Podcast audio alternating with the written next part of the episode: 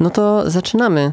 Zaczynamy w takim razie um, projekt, który jest w miesiącach w przygotowaniu i wreszcie oficjalnie może się rozpocząć, czyli Rzuć na luz. Podcast, w którym członkowie akademickiego Radia Luz grają wspólnymi siłami w Dungeons and Dragons i tymi członkami jestem m.in. ja, Nikola i należę do redakcji kultury, a przez całą kampanię będę zajmowała się mistrzowaniem całej y, grze i moimi graczami. E, cześć, ja jestem Zuza e, i wcielę się w Mikaele.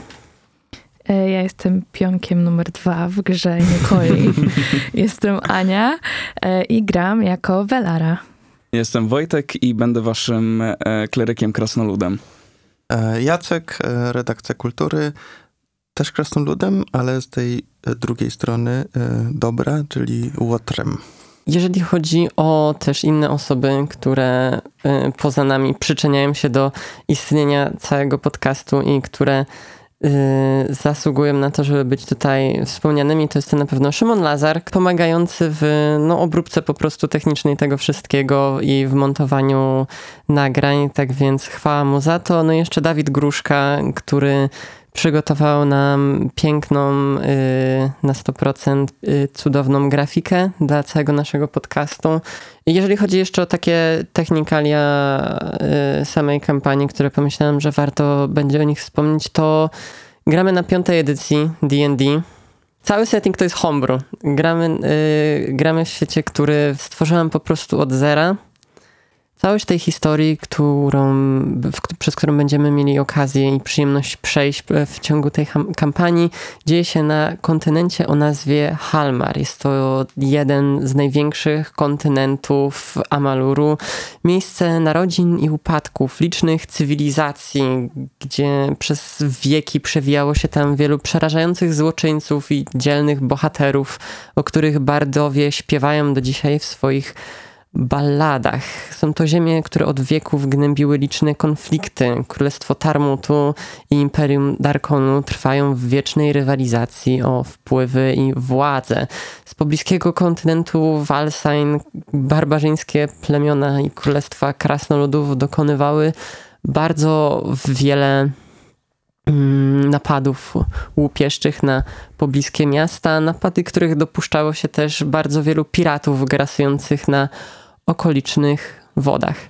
Niemniej sam Halmar od około 200 lat cieszy się względnym pokojem. Dawni rywale w postaci Królestwa Tarmutu Imperium Darkonu postanowili zakopać topór wojenny przynajmniej na razie, dzięki czemu wszyscy mieszkańcy tych dwóch państw i całego kontynentu mogli cieszyć się spokojem, w którym zajmowali się swoim codziennym życiem. Kwitła sztuka, kwitła nauka, spokój. Nie oznacza to jednak, że wszelkie problemy zniknęły. Nadal gdzieś one się czają. Niektóre w miastach, w jakichś zacienionych, brudnych alejkach, a inne w mrocznych lasach.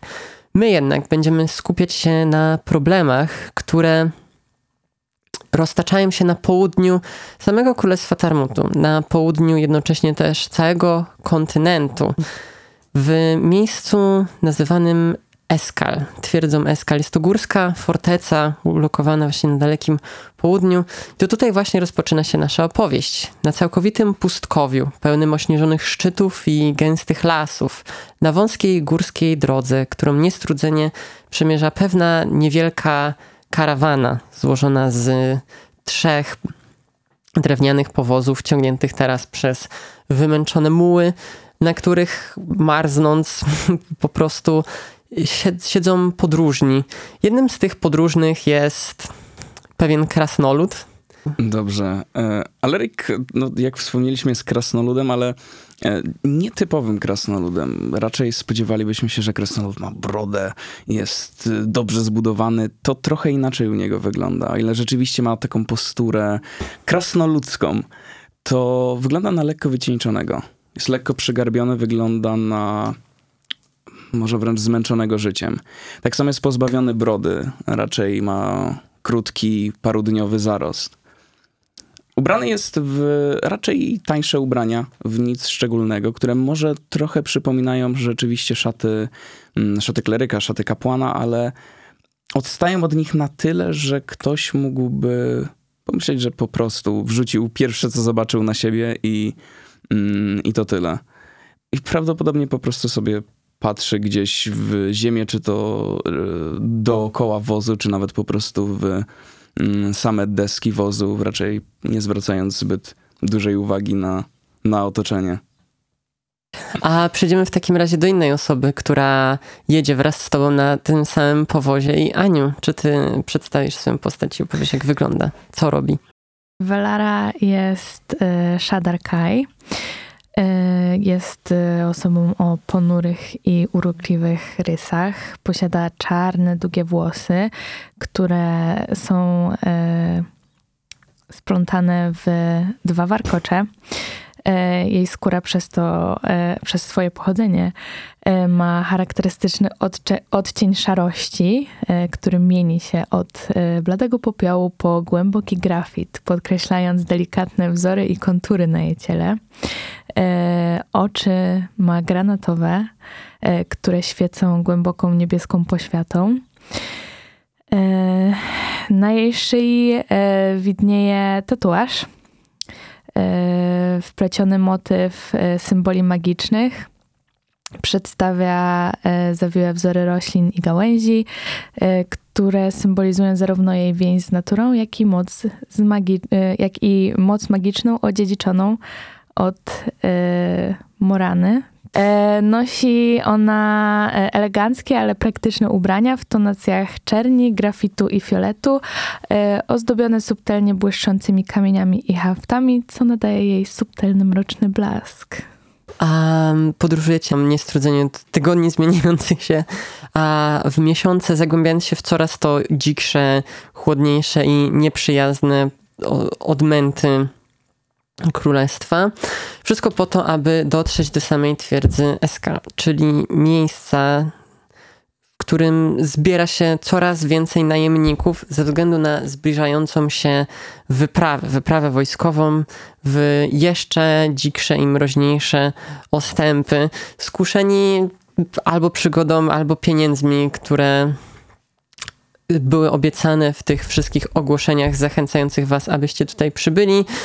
Wreszcie dostrzegacie cel swojej podróży, czyli odległą twierdzę zbudowaną z ciemnego kamienia, ułożoną gdzieś mniej więcej w pobliżu wysokich zastępów górskich. No ale przynajmniej już dotarliście i macie nadzieję, że będziecie mogli spędzić przynajmniej jedną noc w jakimś cieple, żeby się dobrze najeść. Też właśnie jakąś ogrzewającą strawą.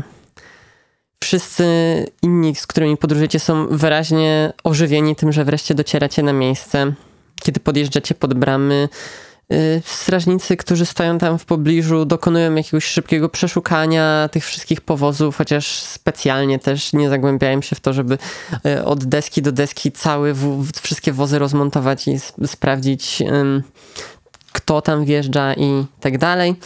No i po tej szybkiej inspekcji wjeżdżacie do samej twierdzy, udając się za wewnętrzny mur, ponieważ całość jest jakby ma zewnętrzny mur, który odgradza wszystkie budynki, y, które są w tej miejscowości i wewnętrzny, wewnętrzny mur, za który wjeżdżacie wy, w którym znajduje się sama twierdza, czyli kilka potężnie zbudowanych budynków i wysoka na jakieś około 100 metrów wieża. Aktualnie dzieje się tam uczta. Są rozłożone stoły na zewnątrz, na placu, w pobliżu wejścia do samych tych budynków oraz twierdzy. Widzicie, że jest rozłożone kilka stołów na jakby pierwszym piętrze tego placu, można powiedzieć, ponieważ do wyższych partii na swego rodzaju podest prowadzą y, również schody, g- gdzie też są rozstawieni ucztujący i tam znajduje się kolejna z istotnych osób dla całej kampanii, Zuza. Zaczniemy może od opisu twojej postaci teraz. E, Mikaela to młoda, e, ludzka kobieta. E, chociaż androginiczna uroda i krótko ścięte blond włosy oraz postawna, starannie wypracowana ćwiczeniami budowa ciała bywają trochę mylące w tej kwestii. Jest bardzo wysoka, lecz mimo tej takiej groźnej e, aparycji ma bardzo łagodną i sympatyczną twarz. Jej cera jest jasna i obsypana piegami, e, a w brązowych oczach istnieje pewna e, zawadiacka iskierka młodzieńczej werwy. I ty je- znajdujesz się, jak już powiedziałem, na tym wyższym podejście, gdzie ucztują przedstawiciele armii, oficjalni przedstawiciele armii, raczej jacyś szeregowi żołnierze, ponieważ oficerowie i dowódcy znajdują się w samym środku twierdzy, gdzie mogą sobie zjeść w ścieple i nie marznąć mimo wszystko tutaj na zewnątrz. Yy, Tam znajduje się też Cassie, twoja przełożona, z którą tutaj przybyłaś, a ona kazała ci zamiast ucztować, odpowiadać za bezpieczeństwo całej uczty właśnie z tego, z tego podwyższonego poziomu, gdzie możesz patrzeć na tych wszystkich awanturników, których nagle przyjechało więcej. Przyjechały kolejne trzy powozy, z których zaczynają wychodzić um, ludzie, krasnoludy, elfy, gnomy i też lecieć już na tą samą ucztę po jakimś szybkim rozpoznaniu sytuacji. Chciałam się cię zapytać, co, co robisz? Jak się zachowuje Mikaela? Jestem niezwykle obowiązkową osobą, więc e, zdecydowanie staram się nie rozpraszać jedzeniem i faktycznie e, rozumiem polecenie, które zostało mi wydane, gdyż mam świadomość, że faktycznie znajduje się tutaj e, parę osobistości, na których warto, na które warto jest mieć oko, e, by wszystko przebiegło bezpiecznie i odbyło się w takich warunkach, jakich powinno się odbyć. Dobrze. Wrócimy do Walerii i Alerika. Po dotarciu na miejsce, co wy robicie? Jak już jesteście przy tej uczcie, dos- dostaliście informację przede wszystkim, że całość wyprawy do posterunku Molchen, czyli miejsca, które musicie zbadać, po to tutaj przybyliście, odbywa się już jutro. I to jest uczta tak jakby pożegnalna dla wszystkich osób biorących udział w wyprawie. Co wy Ja, ja robię kanapki na podróż na następny dzień. To jest świetny pomysł. Jakby okej, wiesz co, ja dołączam do ciebie, żeby zrobić kanapki na podróż. Je- Jest tam na tyle jedzenia, że tak naprawdę dalibyście radę wziąć jakiś chleb, jakąś szynkę sobie odkroić, jakieś, nie wiem, warzywa, które tam leżą. Nie jest to wszystko jakieś super świeżości, ale podejrzewacie, że do jutra w takich zimnych warunkach powinno to jakoś naturalnie po prostu przetrwać. Jestem osobą, która e, bardzo lubi jeść i też e, jestem trochę wyższa niż e, Alarik. Ja potrzebuję trochę więcej jedzenia. E, więc, e, więc robię sobie kanapki, bo wiem, że z pustym brzuchem i burczącym brzuchem bardzo ciężko mi się pracuje. Ja myślę, że Alerik po prostu cieszy się, że po raz pierwszy od tak długiego czasu po pierwsze widzi jedzenie, które nie jest racją żywnościową suszoną, a po drugie jest w stanie też spokojnie usiąść i w końcu poświęcić czas, żeby, żeby po- prostu coś zjeść, żeby e, nie śpieszyć się z tym. W takim razie, kiedy wy rzucacie się od razu po prostu na jedzenie, przejdziemy do ostatniej osoby, która również znajduje się już na tej uczcie. Jacek, y, kim ty jesteś? Kromdar e, kręci się gdzieś tam w okolicy e, razem z kilkoma innymi obdartusami. E, w sensie no, widać, że takie uczty nie tylko przyciągają praworządnych obywateli, ale właśnie różnych awanturników. I to jest taka właśnie grupka, która tam sobie gdzieś tam z boku znalazła swój stół. Kromdar jest dość postawnym, jak na krasnoluda, bo jest krasnoludem ma czarne, niechlujne, niechlujne, długie włosy i niechlujną brodę. Właściwie jest taki zarośnięty, mało co spod tych włosów widać. E, gdzieś tam przebłyskuje jasna skóra i e, niebieskie oczy.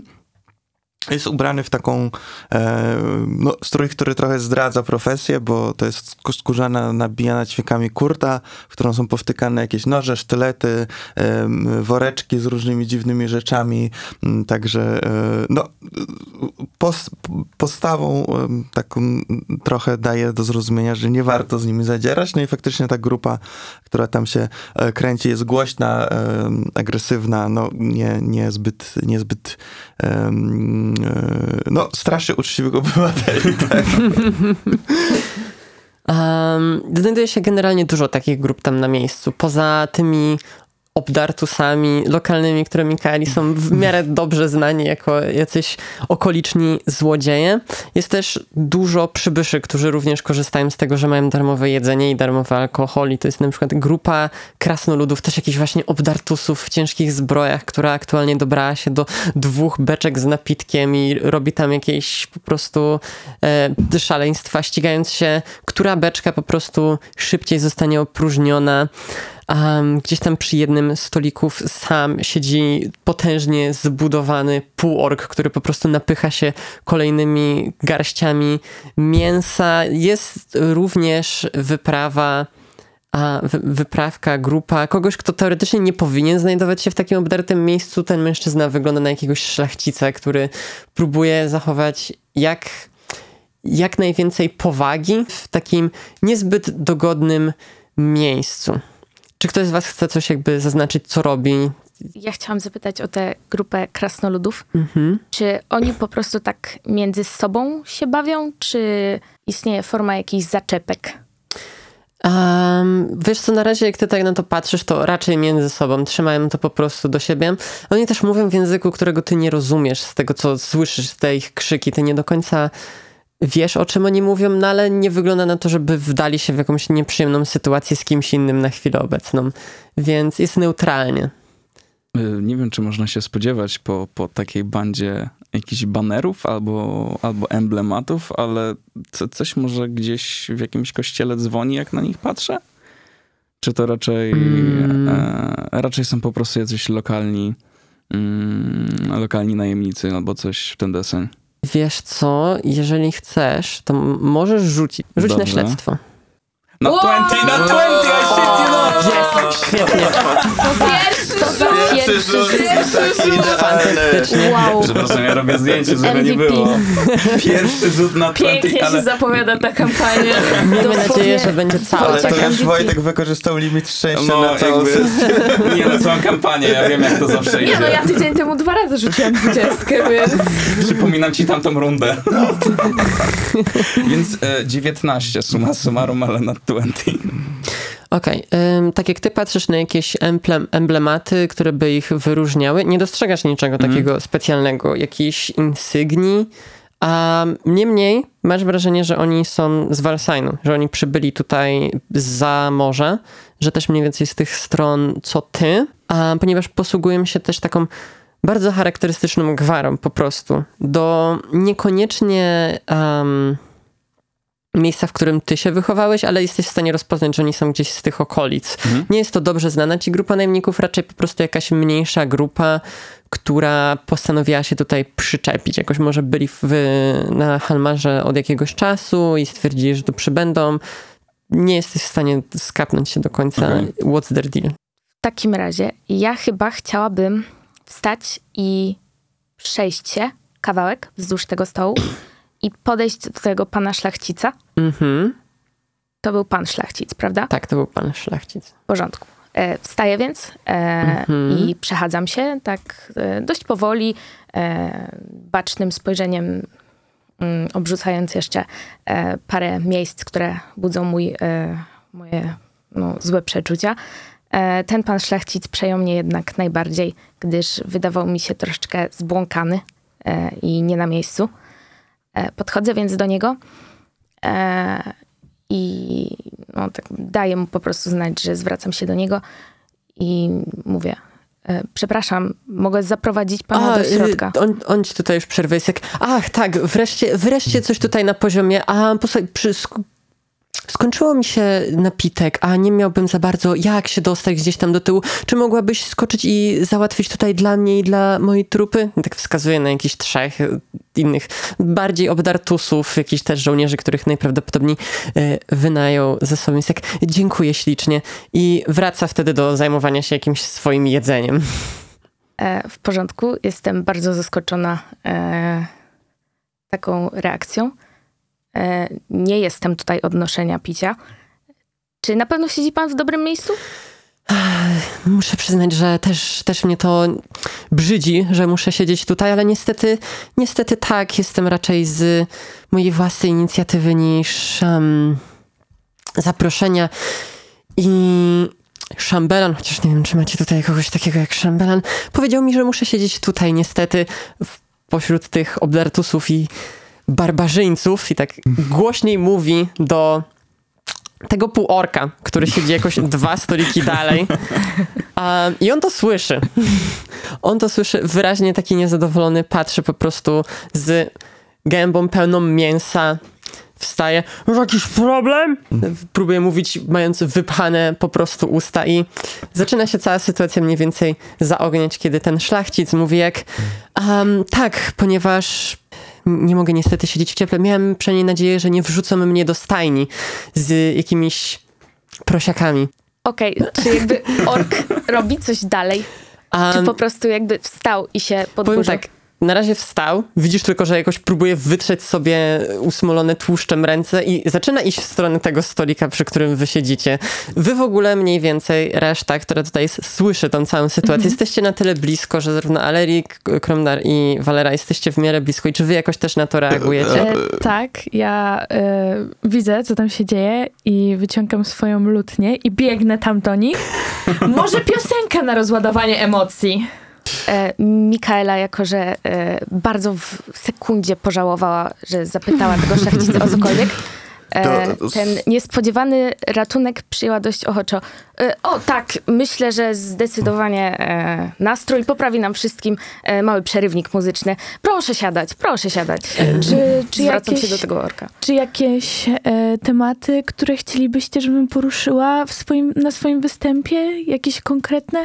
Może e, coś takiego podnoszącego na duchu, żebyśmy mieli siłę na jutrzejszą wyprawę, a może coś bardziej spokojnego, żeby nam się ułożyło w brzuchu i żebyśmy lepiej zasnęli. Zanim przejdziemy do tego, to zapytam się jeszcze Kromdara i Alerika, co wy robicie, żeby, żeby wykorzystać tę Z tego, z tego miejsca, gdzie siedzą ci lokalni złodzieje szkoły, słychać takie o, jest zadyma, zadyma, zadyma i tam wszyscy się trącają i, i, i oczywiście e, ty- czy, czy, ci, ci, którym się nie chce odchodzić od stolika, to się po prostu odwracają, ale Kromdar tam z kilkoma kolegami e, podchodzi po prostu taki z kuflem, jeden ktoś tam ma kufel jeszcze w ręce, ktoś tam sobie żu, żuje, żuje kawałek kurczaka i tak rozglądają się jeden przez drugiego, w takie, tworzą takie małe kółeczko po prostu wokół tej całej, całej imprezy i tak patrzą, co, co tutaj będzie się działo. Tak, a propos tego, przy okazji razem z tobą podchodzi Plip, ten twój znajomy z tej grupki i tak sz- t- niziołek, gnom, który y, zaczepia cię, żeby zagadać. Jest jak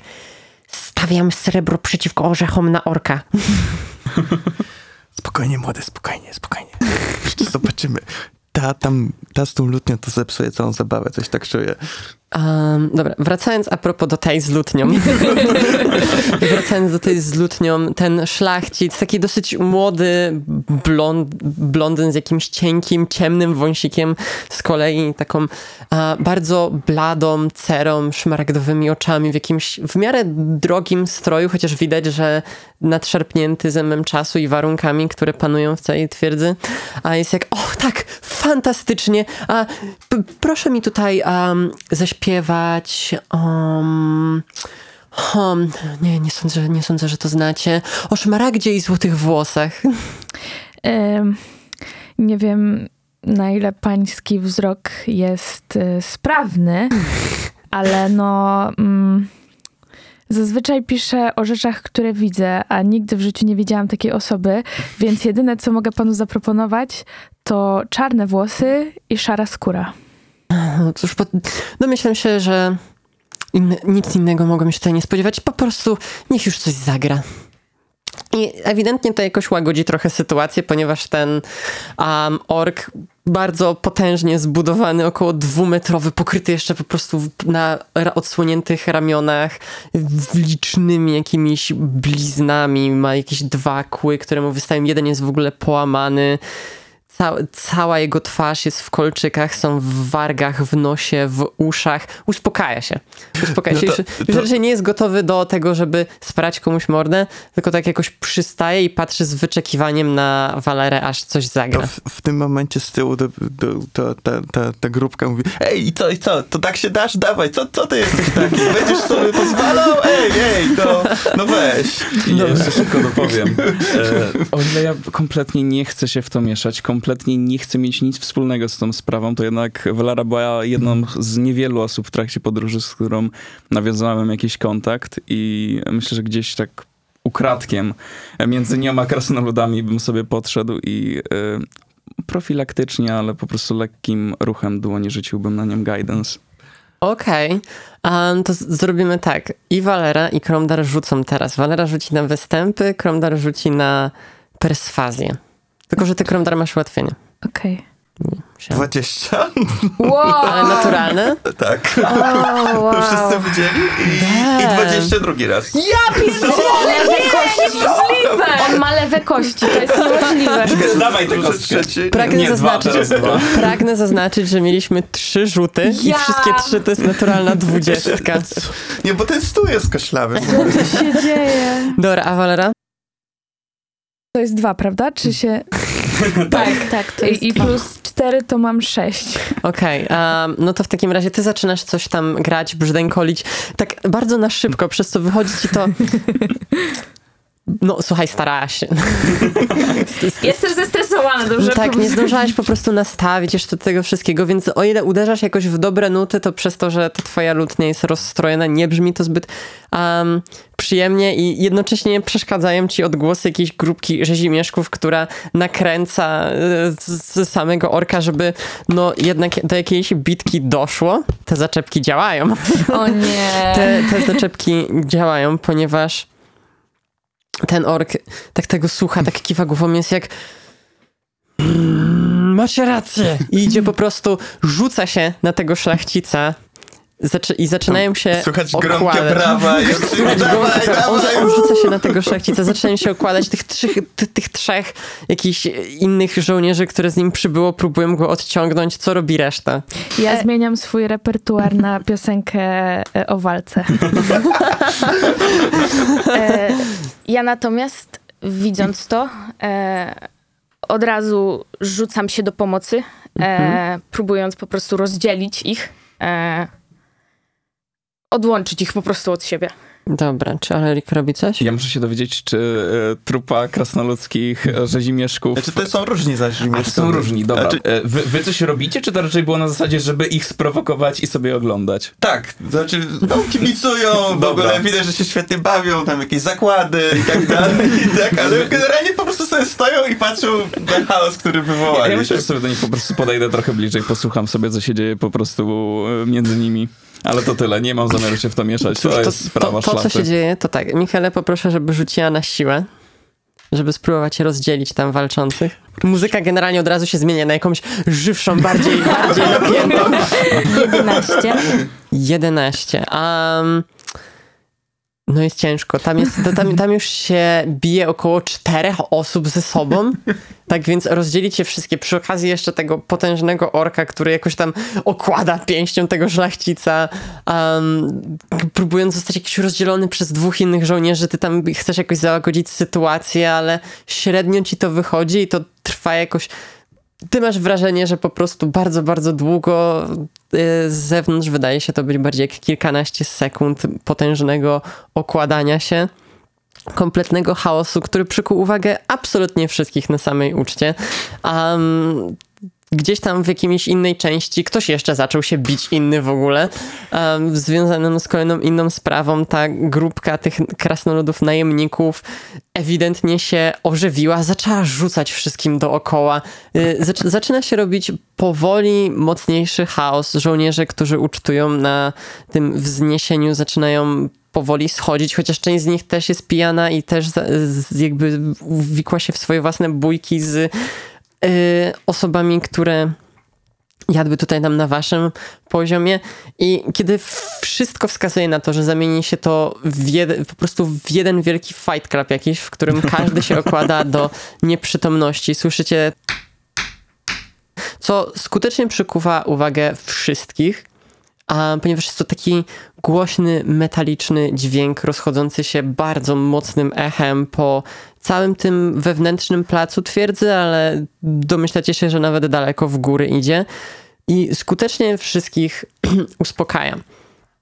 Kiedy patrzycie, co za to odpowiada, a raczej kto za to odpowiada, spoglądacie na szczyt tego wzniesienia, gdzie jedli tam żołnierze i tak dalej i widzicie dosyć niską kobietę, czarnoskórą, z jakimiś krótkimi, kręconymi włosami, odzianą w szarą, metaliczną zbroję, która ma na piersi um, emblemat z pięknie narysowanym herbem całego Królestwa Tarmutu. To jest miecz, naprzeciwko którego jest obrazek hełma przepołowionego y, ze słońcem. Osoba, na którą patrzycie, wy, y, Krondar i Mikaela, wiecie, kto to jest. Natomiast Valera i Alerik się domyślacie, że to jest Lady Dina Tirsch. Kobieta, która jest dowódczynią całej twierdzy i która odpowiada za zebranie tych wszystkich jakby najemników, żołnierzy i tak dalej, aby no, ruszyć po prostu do posterunku Molchen i sprawdzić, czemu zerwało się tam, czemu się tam zerwał z nim kontakt. No i kiedy ona przykuwa powoli uwagę wszystkich, um, ogarnia, dzięki czemu ta cała bitka na chwilę się uspokaja, rozgląda się tylko po was takim bardzo no, jak na gromadkę niesfornych dzieci. Tak to jest po prostu najlepiej opisać. Ka każdy, kto zajmował się przynajmniej dwójką małych dzieci, wie, jak to wygląda, jak się wraca z łazienki i się okazuje, że oni stwierdzili, że będą mieli fame MMA. Um, by po chwili przemówić. Cieszę się, że wszyscy macie bardzo dużo siły i energii. Wolałabym jednak, żeby połowa ekspedycji, którą zbieram tutaj od ostatnich miesięcy, nagle mi nie przepadła, skoro jutro wyruszamy. Zostaliście tutaj przywołani nie po to, aby bić się między sobą, tylko po to, aby móc mi pomóc i się na coś przydać. Chociaż podejrzewam, że większość z Was przyszła tutaj raczej dla pieniędzy, których gwarantuję, że nie dostaniecie, jeżeli będziecie kontynuować cokolwiek, co tu tutaj robicie. No i z tymi słowami właśnie tak wszyscy w miarę się uspokajają. Groźba odcięcia finansowego bardzo mocno zadziałała. raczej, raczej się um, wszyscy uspokajają. Ten ork, który bił tego szlachcica, um, który teraz ma no, dosyć bardzo ym, zmaltretowaną twarz, jakąś rozciętą wargę, podbite oko. Wypadły mu chyba dwa zęby, które teraz leżą gdzieś obok. No, Delork postanawia go nie dobijać. po prostu się cofa i bez słowa odchodzi na swoje miejsce, jeszcze tak waląc z bara samą Mikaelę po prostu. Um, ale wszyscy się mniej więcej uspokoili i Lady Dina kontynuuje. Skoro to już mamy za sobą, chciałam wam podziękować za całą ucztę kończyć na tym bardzo, na tej bardzo chaotycznej nucie i występie, którą mieliśmy z tym wszystkim, tutaj pa tak patrzy znacząco na Walerę. Ja macham. Jutro mam nadzieję, że będziecie wszyscy na tyle sprawni, aby z pierwszymi promieniami słońca ruszyć na południe. Wyprawa będzie ciężka, więc radzę wam odpocząć. Mam nadzieję, że wszyscy będziecie tam równie zmotywowani jak teraz. Przysłużycie się bardzo samemu królestwu, mnie, całej twierdzy. Jeżeli uda się nam ustalić, co się stało z posterunkiem, będziecie mieli satysfakcję z tego, co udało wam się dokonać, oraz co najważniejsze, będziecie mieli zapłatę. To wszystko.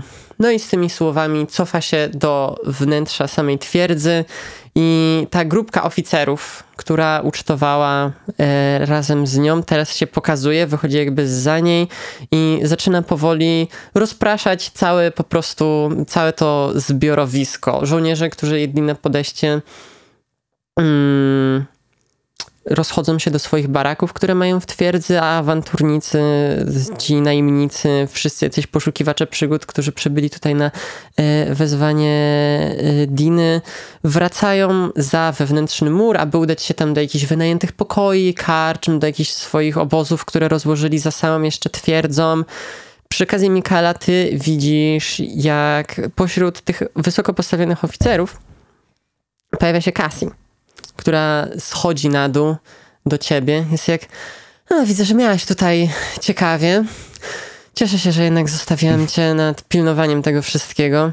Już nie mogłam się domyślić, że nawet ty będziesz miała z tym problem. E, więc, no cóż, zarówno Bura od e, zarządczyni całej twierdzy, e, no ta Bura była dla, dla mnie trudna.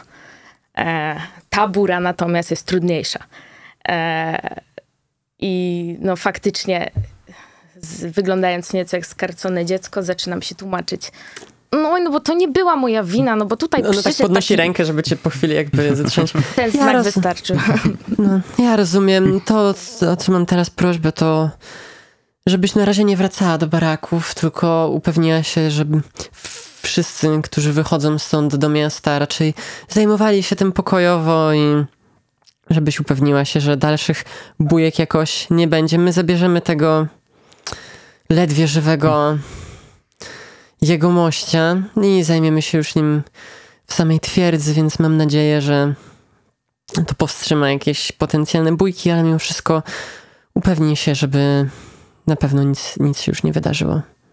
E, Przytakuję głową, głową, uznając to za mój redemption arc. Teraz na pewno zrobię to dobrze. E, tak, i wszyscy powoli zaczynają się rozchodzić. Um, Kromdar, zaczniemy od ciebie. Gdzie ty wracasz z tą swoją grupką? No dla nas e, impreza się dopiero rozpoczęła, więc e, aczkolwiek e, jesteśmy bardzo rozczarowani, że, że e, szefowa, szef wszystkich szefów wystąpiła z takim pokojowym zamiarem, więc e, zamierzamy sobie zrobić jeszcze jakiś tour e, po, po miasteczku, tak, po jakichś kilku knajpach, a może coś tam po jakichś bazarkach. No na koniec oczywiście wracamy do naszej kwatery, ale póki co i noc jeszcze młoda, to e, jakiś e, em, karczming. E, Mikaela, ty podejrzewam, że jakoś tak idziesz z tym tłumem i patrzysz, żeby było wszystko ok. Czy robisz coś jeszcze konkretnego? E, no, chcę się może rozejrzeć za jakimś potencjalnym, za czymś, co mogłoby zwrócić moją uwagę. Jakąś taką Okej. szczególną. No to rzuć na percepcję albo śledztwo. Coś, co ci bardziej pasuje. E, wiesz co, chyba wolę na percepcję. Wiesz co, z moją percepcją dość słabo, bo trzy. Okej, a dużo chaosu, jak nagle tak wszyscy też trochę podpici i też tacy jeszcze rozru- rozjuszeni tą całą bitką, która się zaczęła. Na szczęście kolejne walki, jakieś ym, bójki e, się nie dzieją, ale ciężko ci jest jakby dostrzec, czy potencjalnie nawet y, może, czy potencjalnie nie dzieje się coś dalej jakoś na peryferiach tego całego tłumu. Przynajmniej wydaje się, że jest w miarę stabilnie. jak bijacie grupkę właśnie tych, którzy roz, rozpętali całą tę aferę, to widzisz, że pokazują jakieś obraźliwe gesty, coś tam się śmieją w twoim kierunku, ale tak bezpiecznie, tak? Znaczy, po drugiej stronie tłumu po prostu tam ktoś coś tam e, e, pokazuje język i tak dalej, żeby, żeby tylko dać wyraz niechęci, że to między innymi z twojego powodu tak się wspaniała impreza tak się szybko skończyła. No ale gdzieś tam dalej rozmywają się po prostu w tym... E, tak, jak wy w ogóle to robicie, Kromdar, to ty dostrzegasz, że zniknął gdzieś plip. Nie ma go. Jakby przed chwilą jeszcze wydaje się, że stał u twojego boku i stawiał dolara przeciwko orzechom na tego orka, a teraz gdzieś zniknął w całym tym tłumie. dorosły jest, wie gdzie mnie szukać, macham ręką, ej, zaraz się znajdzie. Także na razie e, i, tak, i tak ta nasza e, peregrinacja po karczmach to jest stała trasa, także gdzieś tam dołączy prędzej czy później. Dobra. Em, to w takim razie Wolera i Alerik, co wy robicie? E, Ja, e, ponieważ powiedziałaś, że szlachcic, e, szlachcicowi wypadły zęby, chciałabym ich poszukać. Dobrze, rzuć, rzuć na percepcję albo śledztwo z utrudnieniem, bo jest dużo teraz tak chaosu takiego dookoła ogólnego, jak A co to ludzie znaczy zaczynają... z utrudnieniem? Rzuć dwiema kośćmi, wybierz niższy wynik. A, okej. E, 17. 19. Okej. 17 plus 2, 19. Znajdujesz te zęby. To są dwa takie małe, um, śnieżno-białe zęby. Jeden jest tak do, troszeczkę skruszony w jednym miejscu, ale całkiem się nadadzą. Ja się tak tylko przyglądam i... Przepraszam, ale co robisz? Nigdy nie wiesz, czy się nie przydadzą. Na, na, na przykład do czego? Nie wiem. Okej, to jest dobry... Okej, to, mhm, to jest pewien argument. Mrocznych rytuałów na pewno. E, E, nie wiem, czy wiesz. E, jeśli będę miała wystarczająco dużo zębów, będę mogła z nich zrobić pierścionek. Pier... z zębów. No. E, Jakiegoś przypadkowego szlachcica. No nie przypadkowego, tego co tu było. Wiesz co, w sensie ja bardzo chętnie go zobaczę. E, Zbierasz zamówienia? Coś może? Nie? A masz zęby na oddanie? Znaczy mam swoje, ale myślę, że wolałbym je zachować tam, gdzie są na razie. A to nie są mleczne? Nie jesteś dzieckiem? Taki jesteś niski? Po- Pozwolę sobie tego nie komentować. Przydałoby Właśnie się... widziałam, widziałam, że tu dosyć sporo dzieci jest. Wpuszczają je. No takie i mają dużo włosów. One są Wiesz co, zdrowe. jak- jakiś lokalny musi być zwyczaj. Nie, nie może to normalne w tym regionie, szczerze, to, to ciężko powiedzieć. Ym, Alrik, rzuć proszę na percepcję. Dobrze. Uuu, plus cztery. Proszę, żeby się poszczęściło. 10, więc w sumie wyszło na to samo 14. Okej, em, kiedy tak stoicie i rozmawiacie o zębach i robieniu zamówienia na biżuterię z zębów, czujesz, że jakby coś ci się otarło mniej więcej o bark, tak jakby w niebezpiecznie w okolicy twojej sakiewki. Instant reakcja, ręka w tamto miejsce. Okej, to rzuć teraz na zręczność. Okej. Y, tu może nie być tak fajnie. A nie, plus zero, dobra, nie jest źle.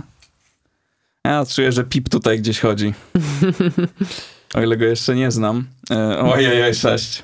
Sześć, okej. em, w takim razie tak szybko sięgasz, żeby złapać kogoś, kto mógł ci potencjalnie coś ukraść, em, ale nie udaje ci się. Tak sięgasz i tylko ociera ci się jakiś skrawek ubrania i kiedy odwracasz się jednocześnie w tamtą stronę, widzisz, że jakaś taka mała sylwetka właśnie jakiegoś dziecka tak jakby zaczyna powoli znikać w tłumie, jakby się, się E. Okej, y, y, rozumiem, że nie mam po prostu sakiewki z y, pieniędzmi aktualnie. Powiem tak, jak, jak patrzysz, y, ile masz pieniędzy konkretnie? Mam 5 złota. No to teraz masz y, Zero. 3 złota. 3 złota. E, Ej, bo ktoś mi właśnie chyba świsnął trochę hajsu?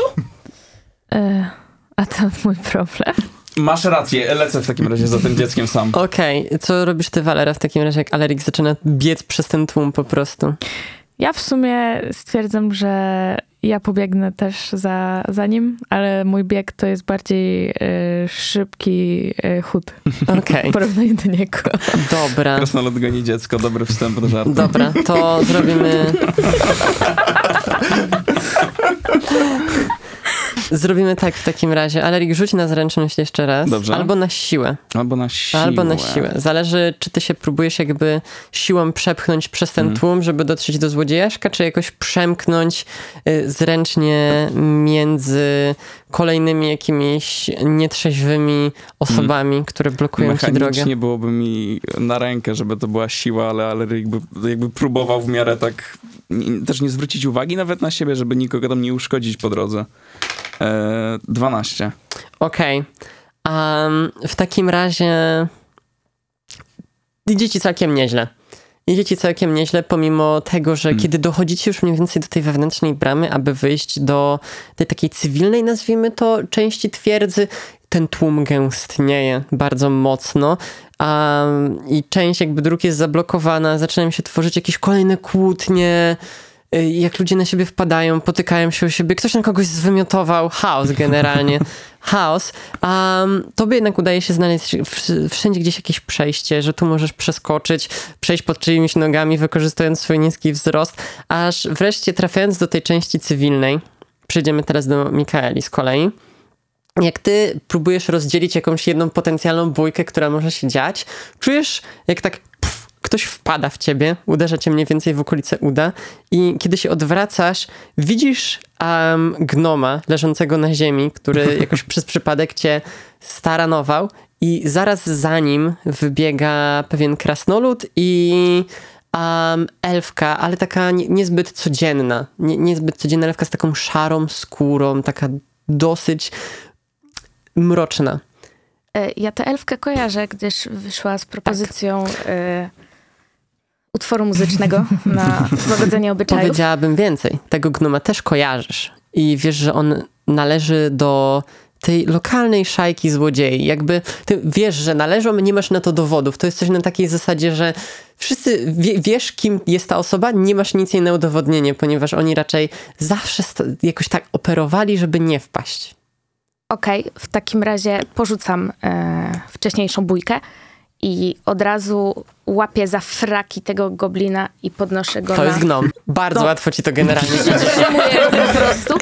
E, no i czekam, aż jakby wy podbiegniecie. Ja już po prostu taki zmachany dobiegam, Tak. dobiegam i... Złodziej! O Boże! Uch. Tak, ten gnom, którego ty tak podnosi, tak spanikowany, nogi mu dyndają po prostu. Jest jak, ja, ja tutaj nie, nic, nic. Dzień, dzień dobry, pani żołnierz, jak tam, jak tam się trzymamy, pilnujemy porządku, super sprawa. Ja złodziej, absolutnie nie.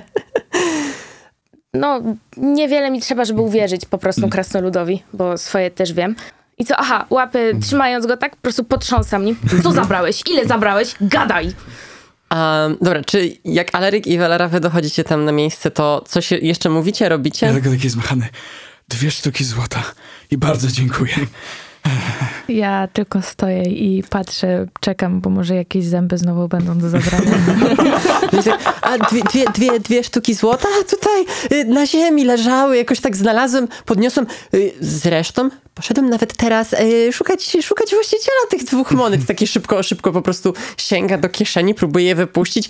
Jednocześnie widzisz, że wypada mu z kieszeni, z jakiegoś takiego dużego tobołka, który ma um, jakiś sztylet, jakieś kolejne dwa sztylety, jakieś dwa, dwie perły, naszyjnik, pierścionek, szynka, kawałek.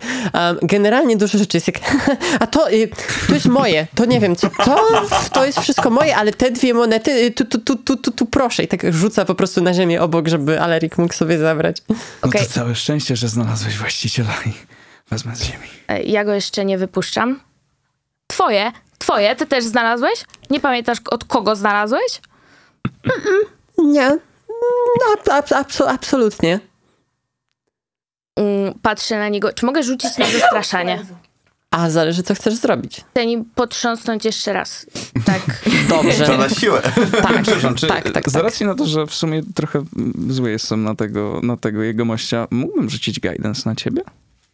Czy to, Tak. to okej. To w Po prostu razie- możesz, możesz powiedzieć, że to robisz. Wiem, ale to tak jeszcze roleplayowo, czy to miałoby sens. Tak. Więc, więc jeszcze guidance ode mnie do czwórka. Dobrze. D4. Pięknie. Błagam. Teraz jest trudna matematyka, dajcie. Dobra, to przy okazji Walera, czy ty coś tam robisz? Ja mówię, że ta szynka to chyba była moja.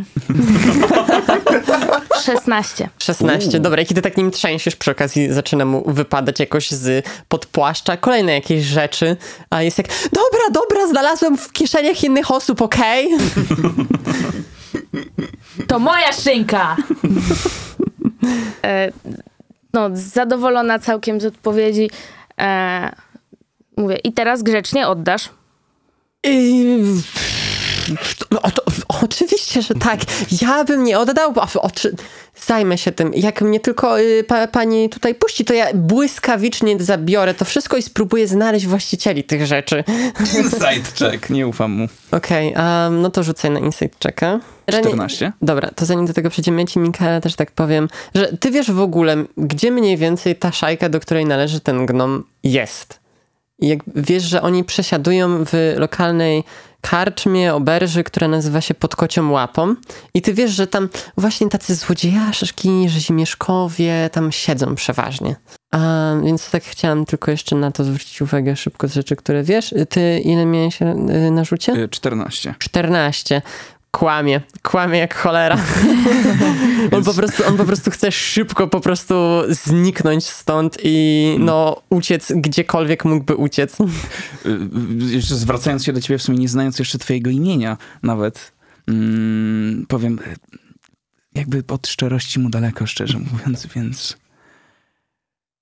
Mm, sp- poglądam najpierw na krasnoluda, później jeszcze raz na e, rzezimieszka w moich rękach.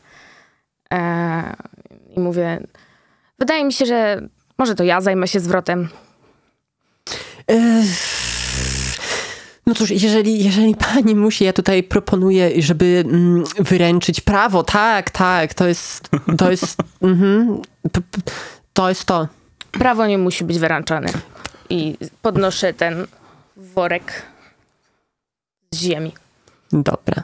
Czy puszczasz go przy okazji, żeby on sobie gdzieś tam, gdzieś tam uciekł? No chyba go puszczam. Dobra, no tak tylko to robisz, to on szybko takich po prostu ucieka gdzieś za róg i znika. A, no a ty masz ze sobą te wszystkie jego kradzione przedmioty, ale Rick, to odzyskujesz te dwie złote monety, które ci zajumał. Yy, co robicie? E, ja zwracam się do niego. Dziękuję ci za pomoc. I Raczej ja powinienem tu dziękować, naprawdę. Powiedzmy, że z moją posturą trochę ciężko kogoś dogonić. E, swoją drogą i wyciągnę do ciebie dłoń. Jestem Alerik i miło poznać. E, uśmiecham się do ciebie i od razu takim pewny, pewny uścisk dłoni. Ściskam ci dłoń mocno, zdecydowanie. Mikaela. Bardzo miło poznać jeszcze raz. W ogóle cała ta sytuacja wcześniej świetnie rozwiązana. Szczerze mówiąc, już myślałem, że tu będzie zaraz jakaś wielka bójka i no, bez twojego udziału pewnie by się zaczęła, zanim pojawiła się ta, mm, ta pani. Nie, nie wiem w sumie do końca. kim Lady Dina jest. Trish. E, Lady- Tirsch, przepraszam. Dina. E, To jest Dina, tak? Nie Tina, tylko Dina. Dina. Dina Tirsch. Okej. Tina Turner. A, i żeby się... żeby się upewnić, my wiedzieliśmy już przejeżdżając to z Velarą o niej, ale y, nie W sensie- widzieliśmy jej jeszcze. Nie widzieliście niej, wiecie jak, jak się nazywała i że jest tutaj dowódczynią całej twierdzy i tak dalej, ale tak, to był pierwszy raz jak tak spotkaliście ją Okej. na żywo mniej więcej. Więc myślę, że powiedziałbym po prostu, że e, cieszę się po prostu, że byłaś w stanie jakoś trochę zmniejszyć tam temperaturę przed jej przybyciem. E, oj, mam wrażenie, że wyglądało to jednak trochę inaczej. Zaśmiałam się nerwowo, ale no tak jakby z, z dużą sympatią podchodzę do tej e, rozmowy. E, a więc e, powiedz mi, co tutaj robisz? Szczerze mówiąc, podróżujemy od jakiegoś czasu. E, przyjechaliśmy tutaj z trochę e, większą bandą, ale w sumie tylko e, z Velarą wskażą na nią. E, nawiązałem Właśnie, co ty, jakiś... co ty robisz przy okazji, jak jesteś tam trochę z tyłu? Ja? Biera zęby. A, nie. Mm, szyneczka. Tak podchodzę i, i, i słucham e, i pytam się e, Mikeli, czy dzieci mogą brać udział w tej wyprawie? Mm, Bardzo nie zrozumiałam, o co chodzi. Dzieci? Oczywiście, że nie. I pokazuję palcem na o, o, to, to nie jest dziecko. Nie? To Kiedyś czemu się jest takie małe? Niektórzy tak mają. Mm, bez sensu. No, ale oprócz tego, że jeszcze trochę potrzebuję czasu, żeby zrozumieć, że no, trochę się różnimy wzrostem, to em, Byłam wychowywana w lesie, nie widziałam innych. A, Myślałam, że to dziecko. Przepraszam. nie ma sprawy. Jakby to, To jest sumie- całkowicie zrozumienie. Chciałem cię wyprowadzać z W błędu, bo to też trochę... zrozumiałe, bo dzieci nie mają brody. A dużo małych ludzi miało brody. No cóż. A to, co robimy, ciężko w sumie powiedzieć. Ja tak trochę y, szukam miejsca aktualnie swojego. mm, również wybieracie się na posterunek. Tak, no to wygląda, że, że, że taki jest nasz cel. W porządku, zobaczymy się więc jutro. O, dobrze to słyszeć w takim razie i dobrze mieć kogoś już tak kompetentnego na miejscu. A, y, przepraszam, bo y, ta szynka, którą ukradł y, ten gnom, y, czy mogłabym ją odzyskać? Leży, leży na ziemi. A, to ją biorę. Joink. E, ja po tym twoim komplementowaniu mojej kompetencji bardzo się speszyłam. E, zdecydowanie bardzo i tak tylko dość niezręcznie Mm. tak unoszę rękę, żeby tam pomachać wam i idę na, na dalsze zwiady, mając nadzieję, że obejdzie się już bez większych komplikacji. Dobra, tak więc ty odchodzisz. Valara i Alerik, co wy robicie? Przydałoby się chyba znaleźć coś do spędzenia nocy, nie? No to pod stołem?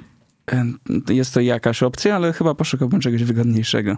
Mm, no dobrze, to chodźmy. E, Pani Dim, pytanie, czy e, Mhm. ta gawieć cała, która z nami przyjechała, ma jakiś obóz? Byliśmy na coś umówieni, czy raczej zostawili nas i po prostu?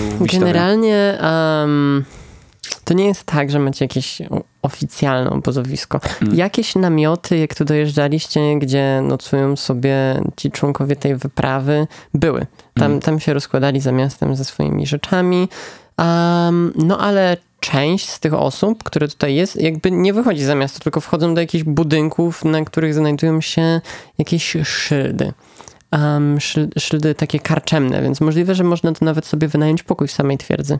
Co, co robicie? Co robicie? E, Szukamy jakiegoś e, pokoiku, Tak, no, coś do wynajęcia. tak. Więc wchodzimy, idziemy za, za jakimiś osobami, które wchodzą tam e, do różnych budynków. Tam, Dobra. gdzie jest szyld z łóżkiem. Dobrze. Przejdziemy w takim razie teraz do Kromdara, który jest na karczm, karczm hoppingu, um, który no ostatecznie bardzo szybko skończył się, tak jak większość y, takich karczm hoppingów w twojej grupie, czyli wróciliście do pod kocią łapą po prostu. Po prostu tam poszliście siedzieć i pić za jakieś tam grosze, ze względu na to, że jest to wasze terytorium, tak to nazwijmy. I po chwili, jak już tak się dobrze bawicie, tam rozmawiacie o tym, co się stało, tam o jutrze. Generalnie ty i Filip jesteście jedynymi osobami z tej grupy, która postanowiła wyruszyć do posterunku. Reszta raczej jakoś się wstrzymała, więc tak dużo osób stawia ci, stawia ci drinki tak na, na, poż- na pożegnanie. Jest dużo żartów, że nie wrócisz. Tak, ale po chwili wraca sam Plip. Wchodzi taki ewidentnie przejęty, jest taki cały spocony, nieco podbladły. Tak podbiega do ciebie jest jak, o szefie, o, a coś tam, coś tam próbowałem podwędzić, ale mm, niestety mi się nie udało, ponieważ mnie prawie złapali. Oj, młody, młody, kiedy ty się w końcu nauczysz? Nie robi się takich rzeczy samemu. Trzeba mieć zawsze kumpla, obcykany teren i tego, wiesz, stukam przyjacielską w bańkę, tak. On jest trochę mniejszy od ciebie i tak ewidentnie gina się pod naporem po prostu tej twojej dłoni, jak go tak klepiesz i to nie jest takie lekkie klepanie, to by się wydaje, ale ty już trochę wypijesz, więc tylko po prostu jesteś jak psiu, psiu. A, A jakbyś, jakby cię złapali, to co? To jutro byśmy cię musieli z celi wyciągać, a nie nigdzie jechać. Cóż, e, znaczy, na szczęście udało mi się trafić na całkiem niezłą frajerkę, która po prostu a, mnie, mnie, mnie puściła, ale zabrała mi wszystko, co, co miałem. Um, A cały jesteś? Nic ci nie zrobiła? cóż, nie, na szczęście, a tam też skradłem jakiegoś kolejnego leszcza, który, który też po prostu chciał odzyskać te pieniądze, więc przynajmniej, przynajmniej e, ci, co tu przyjeżdżają, to nie, rea- nie reagują źle, jak się ich okradnie. To jest na- naprawdę, naprawdę dziwne. Trzeba korzystać póki można, bo zaraz cała ta wesoła czereda się stąd zwinie i co? Ale będzie jeszcze podczas drogi do tego posterunku trochę okazji. Tylko pamiętaj, na spokojnie, bez nerw, bez nerw. Bo znowu głupio wpadniesz. I co? No, tam, tam, tam, tam postaram się. A, a skoro już tu jesteśmy, um, bo zabrali też moje pieniądze. I tu Chcesz mi postawić kolejkę? wszyscy tak... A chcesz je odzyskać? Mogę, mogę chcieć, mogę chcieć. Mm, właśnie się tak zas- zastanawiam. Ale tylko ktoś z zewnątrz? To, to, to Znaczy, znaczy od razu znaczy, tam jakby mnie, mnie przytrzypywała, żeby tam y, wszystko, wszystko to, co sobie podwędziłem y, oddać, to wypadły mi też moje rzeczy, a jakoś nie zauważyłem i postanowiłem zabrać się raczej stamtąd jak najszybciej, więc y, no nie mam, nie mam za bardzo pieniędzy ze sobą. Myślę, myślę, myślę. Generalnie, jeszcze, jeszcze tak off topic, tak? Znaczy meta, to co moja postać wie, że generalnie rozumiem, że to jest tak, że ta, to jest wojskowa twierdza, tak? I generalnie jest tak, że ci żołnierze to mają zdecydowaną przewagę, tak? To nie jest tak, że... Tak, raczej tak. Chociaż też no, cała twierdza jest podzielona na tą strefę wojskową i tą strefę cywilną, którą oddziela ten wewnętrzny mur. I tutaj w tej strefie cywilnej wy macie na tyle dużo jakby swobody działania, że jeżeli uważacie, to nie wpadacie w kłopoty, ponieważ mimo tego, że miejsce to należy do wojska i to mieszkają tutaj normalnie cywile i sama też armia jakby, no to jest to jest strasznie nigdzie ta twierdza Eskal i jest ma, mają mało zasobów, są tu raczej zdemoralizowani żołnierze. No dobra, młody, ile straciłeś? Siedem y, srebrnych kruków i dwa złote orły. A, tu ci tam wygrzebuję jedną złotą monetę i tak mówię, rzucam, ale tak specjalnie, żeby nie złapał. On tak tylko leci i po chwili jest jak ping, ping na ziemi i on tak prawie, prawie to miałem. No to jest podnosi. twoja, ale następnym razem sobie uważaj. Tutaj odpiszę jedną monetkę. Dobra. e, No i kiedy wy tak rozmawiacie, to drzwi do karczmy znowu się otwierają. I widzisz, że wchodzi tam dwójka osób, które wcześniej miałeś okazję zobaczyć w trakcie tego mocnego zamieszania między szlachcicem a orkiem. I tutaj przejdziemy do perspektywy Walery i Alerika, ponieważ wy szukając jakiejś gospody, żeby móc się przenocować, tak podpytując mniej więcej po lokalsach, usłyszeliście o takiej um, takiej karczmie jak pod kocią łapą. Miejscu, w którym dowiedzieliście się, że potrafi być względnie tanie i pomimo tego, że część tam jakoś was ostrzegała, żeby uważać, jak już będziecie na miejscu i że lepiej może nawet iść spać gdzie indziej, daliście się skusić tym, że jest podobno tanio i możecie iść spać w łóżku. Więc wy wchodzicie do no, dwupiętrowego, niezbyt dużego budynku, w którym od razu po wejściu po pierwsze uderza was mocny zapach jakiegoś tłustego jedzenia i taki kwiatowy aromat, ale tak aż gryzący w język, taki nie do końca przyjemny. To nie jest coś takiego, że wchodzicie sobie do kwiaciarni i czujecie te wszystkie kwiaty, tylko na zasadzie jakaś staruszka w tramwaju ma przeterminowane perfumy. Ale coś śmierci. No, trochę nieprzyjemne miejsce, ale no, jeżeli za dobrą cenę, jedna noc. E, czy mogę e, szukać, skąd dobiega ten smród kwiatów? Możesz rzucić na percepcję, no. Ja bym pewnie podszedł do, do lady, do baru i zapytał, jak z pokojami wygląda sytuacja. Przy okazji, jak to robisz, widzisz, że tutaj siedzi ta. Po pierwsze, ten gnom, który cię okradł. Razem z jakąś szajką też jakichś obdartusów z, kompletnych, siedzących przy Mm. jednym jakimś stole. Ym, tobie, Kromdar, oczywiście Plip też od razu powiedział, że no to Że jest... to on. Tak, że to on, że to jego próbował okraść. Ale to on, to on ci zabrał? Nie, nie, nie, nie. Zabrała mi taka, taka nowa też jakaś, ta, co, co przyjechała z tymi paroma żołnierzami, co mają też jutro jechać do, do Molchen. Dobra, ale wiesz, dwa razy do tej samej sakiewki się nie sięga. Nie próbuj. Nie, nie, nie, to spróbuję jutro z rana już jak wszyscy będą wymęczeni. Dobry chłop. No. Yy, Uczysz się czegoś przynajmniej. Ja rzucam. Mhm. E, Jeden plus dwa, czyli trzy. Nie masz pojęcia skąd to dochodzi. Jakby jest dosyć dymu tutaj, więc nie wiesz, czy ktoś coś dziwnego pali, czy to jakieś kadzidła, czy może coś się zaczęło palić na kuchni. Nie masz pojęcia, po prostu to jest taki wszechobecny zapach miejsca. Nie wiem, Mm. każdy, każdy dom, każdy budynek ma jakiś zapach i ten po prostu naturalnie jakby y, przychodzi z tym nieprzyjemnym kwiatowym zapachem zepsutych perfum. Mm. Dobrze, to ja również e, podchodzę do baru. No, do baru.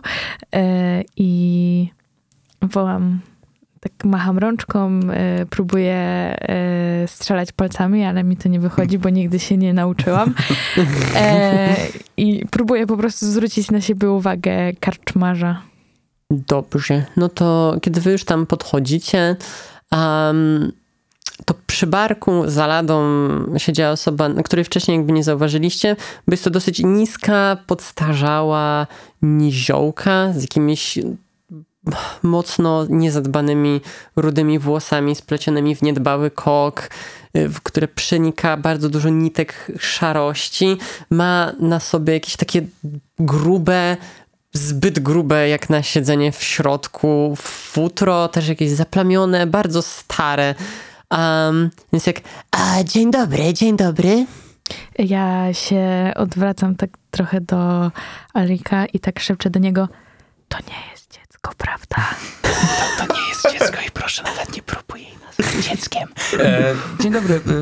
My szukamy jakiegoś pokoju na tę noc. Znajdzie się może coś u, u pani?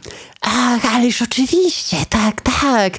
I ona wchodzi na ladę, po prostu stojąc na ladzie tak do was podchodzi i wyciąga rękę tak um, bardzo pretensjonalnie do ciebie, Alerik, tak na płasko, jakby y, z takim gestem, żebyś po prostu, wiesz, ucałował y, po dżentelmeńsku. Jest jak, nazywam się Esteli, prowadzę całe to miejsce. Dobra, e, nie będę ryzykował i wezmę moją prawą dłonią jej dłoni, ucałuję ją. Bardzo miło poznać, Estel. A mnie też zawsze bardzo miło poznać em, nowych em, klientów tutaj. Y, pokoje oczywiście, że się znajdą, jakieś pokoiki. Ja- Czego szukacie? Ja e, kopiując Alerika, bo nie wiem w sumie jak się zachować, też biorę, też biorę jej, jej rękę i też robię dokładnie to, co Alerik i mówię, miło panią poznać. Em, tak, tak. Em, czego, czego szukacie? Powiedzcie mi proszę. E, chyba je- jeden pokój będzie ok? Miejsca do spania. Mm. Em, oczywiście mamy akurat dostępny jeden pokoik z dwoma łóżkami. To powiedzmy byłoby tak. Um, dwie sztuki złota, jedna za osobę. E, pani DM meta pytanie. E, Tak. to, to jest zdzierstwo, nie? Yy, możesz rzucić na intuicję. Dobrze, dobrze, dobrze. E, e, intuicja, czekaj, co to będzie? Insight. Insight. Aha, aha, no dobra, to ma sens. Joink. E, 6 plus 4, 10. To jest totalne zdzierstwo. Jakby, sorry, złoto za jeden pokój w jakiejś yy, zabrudzonej, zaśmierdziałej karczmie, proszę cię, to, to ci się wydaje Okej, jakby okej. aż, to, aż to cię obraża, jak ty to słyszysz. Boli w honor. No, ale te dwie sztuki złota za jeden pokoik, no to chyba widzicie, troszeczkę za dużo tak. jednak. Mamy teraz po prostu dużo chętnych, dużo chętnych. Dużo chętnych, no. Ale widziałem jakieś wolne miejsca też w twierdzy, więc może się jeszcze przejdziemy, sprawdzimy. No, wydaje mi się, że te dwie sztuki złota, złoto od jednej osoby, proszę pani. Ja No. tam plączę pod, pod nosem, bo oczywiście nie mam pojęcia, czy to jest, czy to jest e, dobra cena, czy nie. Dobra. Um, Alrik, rzuć na perswazję z ułatwieniem. Dobrze. Big money, big money, big money. Ok, 14, drugie. Jeden. więc 15 suma summarum. Okej. Okay, um, jak tak mówicie o wyjściu i poszukaniu gdzieś indziej jakoś um, mm, noclegu, to jest jak um, znaczy, nie ma, nie ma potrzeby, jak już tutaj jesteście, to um, no dobrze, dla was specjalnie jedna sztuka złota na waszą dwójkę. Cena, która nadal jest dosyć obraźliwa. Ale to razem z posiłkiem i napitkiem. A, te, tak, tak, oczywiście, tak, tak. A, dostaniecie teraz coś do jedzenia i jeszcze może tam rano. A coś na drogę? Rzuć na perswazję, teraz ty. E, dobra, e, perswazja plus dwa. Trzy. A, no to tam już zobaczymy, zobaczymy jutro. Tak się, tak y, zwracam się do Alerika. Właśnie Bierzemy? No. Bierzemy? To prosimy. Fantastycznie, fantastycznie. To y, poproszę najpierw pieniądze. To ja zapłacę w takim razie. E, Jeden, przepraszam, to był złoty orzeł, bo wcześniej... Tak, złoty orzeł, bo waluta jest jakby w ptakach, nazwijmy to, że są miedziane wróble, srebrne kruki, złote orły i platynowe gryfy. Dobrze, dobrze, dobrze. Gryf to nie ja sobie zapiszę. Złote orły, srebrne Kruki, i, i miedziane wróble. bomba. Nikt nie używa elektrum, nie oszukujmy się. Nikt nie używa elektrum. srebrne. Srebrne kruki. Srebrne kruki i miedziane wróble. Dobrze. Um, no to wy w takim razie zapłaciliście, dostaliście klucz do pokoju. Robicie coś konkretnego? E, ja proszę o napitek. Prosisz o napitek. Dostajesz, dostajesz szybko. W cenie też jakby tutaj jeden mm, kufel jakiegoś tam alkoholu, który akurat mają. Czy jest dobry? Nie, jest strasznie rozwodniony. jest ekstremalnie rozwodniony, tak całkowicie po taniości, żeby... Sikacz halmarski. Tak, tak, ale hej, przynajmniej za darmo. A ja rozumiem, że ich widzę, tak? W sensie, Tak, no domyślam się, że wy dalej tu siedzicie na dole, nie? Czy już poszliście na górę? e, to jak, jak, jak pijesz, tak, to, to słyszysz Ej, pani Bartka, chodź tu do nas, zaśpiewaj nam coś wesołego. Hello, hello.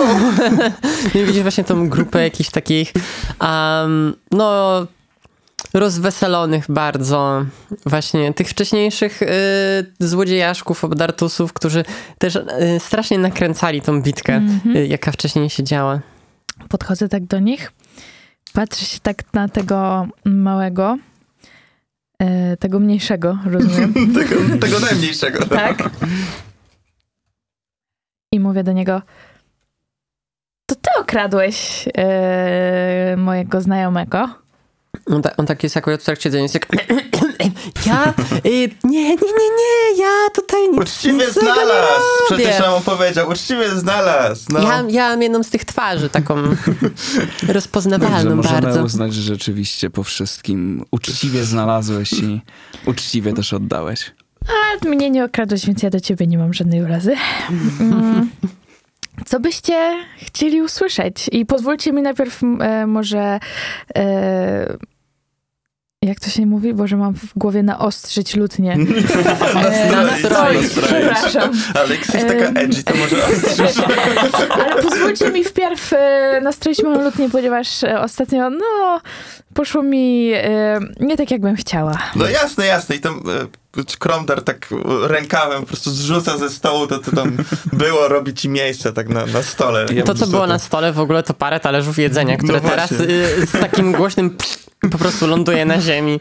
Ja bardzo bacznie obserwuję ich wszystkich, czy nie próbują jej orypać z hajsu. Rzuć na percepcję. Dobrze? Proszę, nie, kradnijcie. Proszę nie kradnijcie, bądźmy przyjaciółmi. Yy, 18. Nikt najwidoczniej z tego, co ty... No chyba, że Kromdar, ty próbujesz. Nie, no Nikt nie próbuje. Okej, Raczej wszyscy super. czekają, aż ona zacznie grać.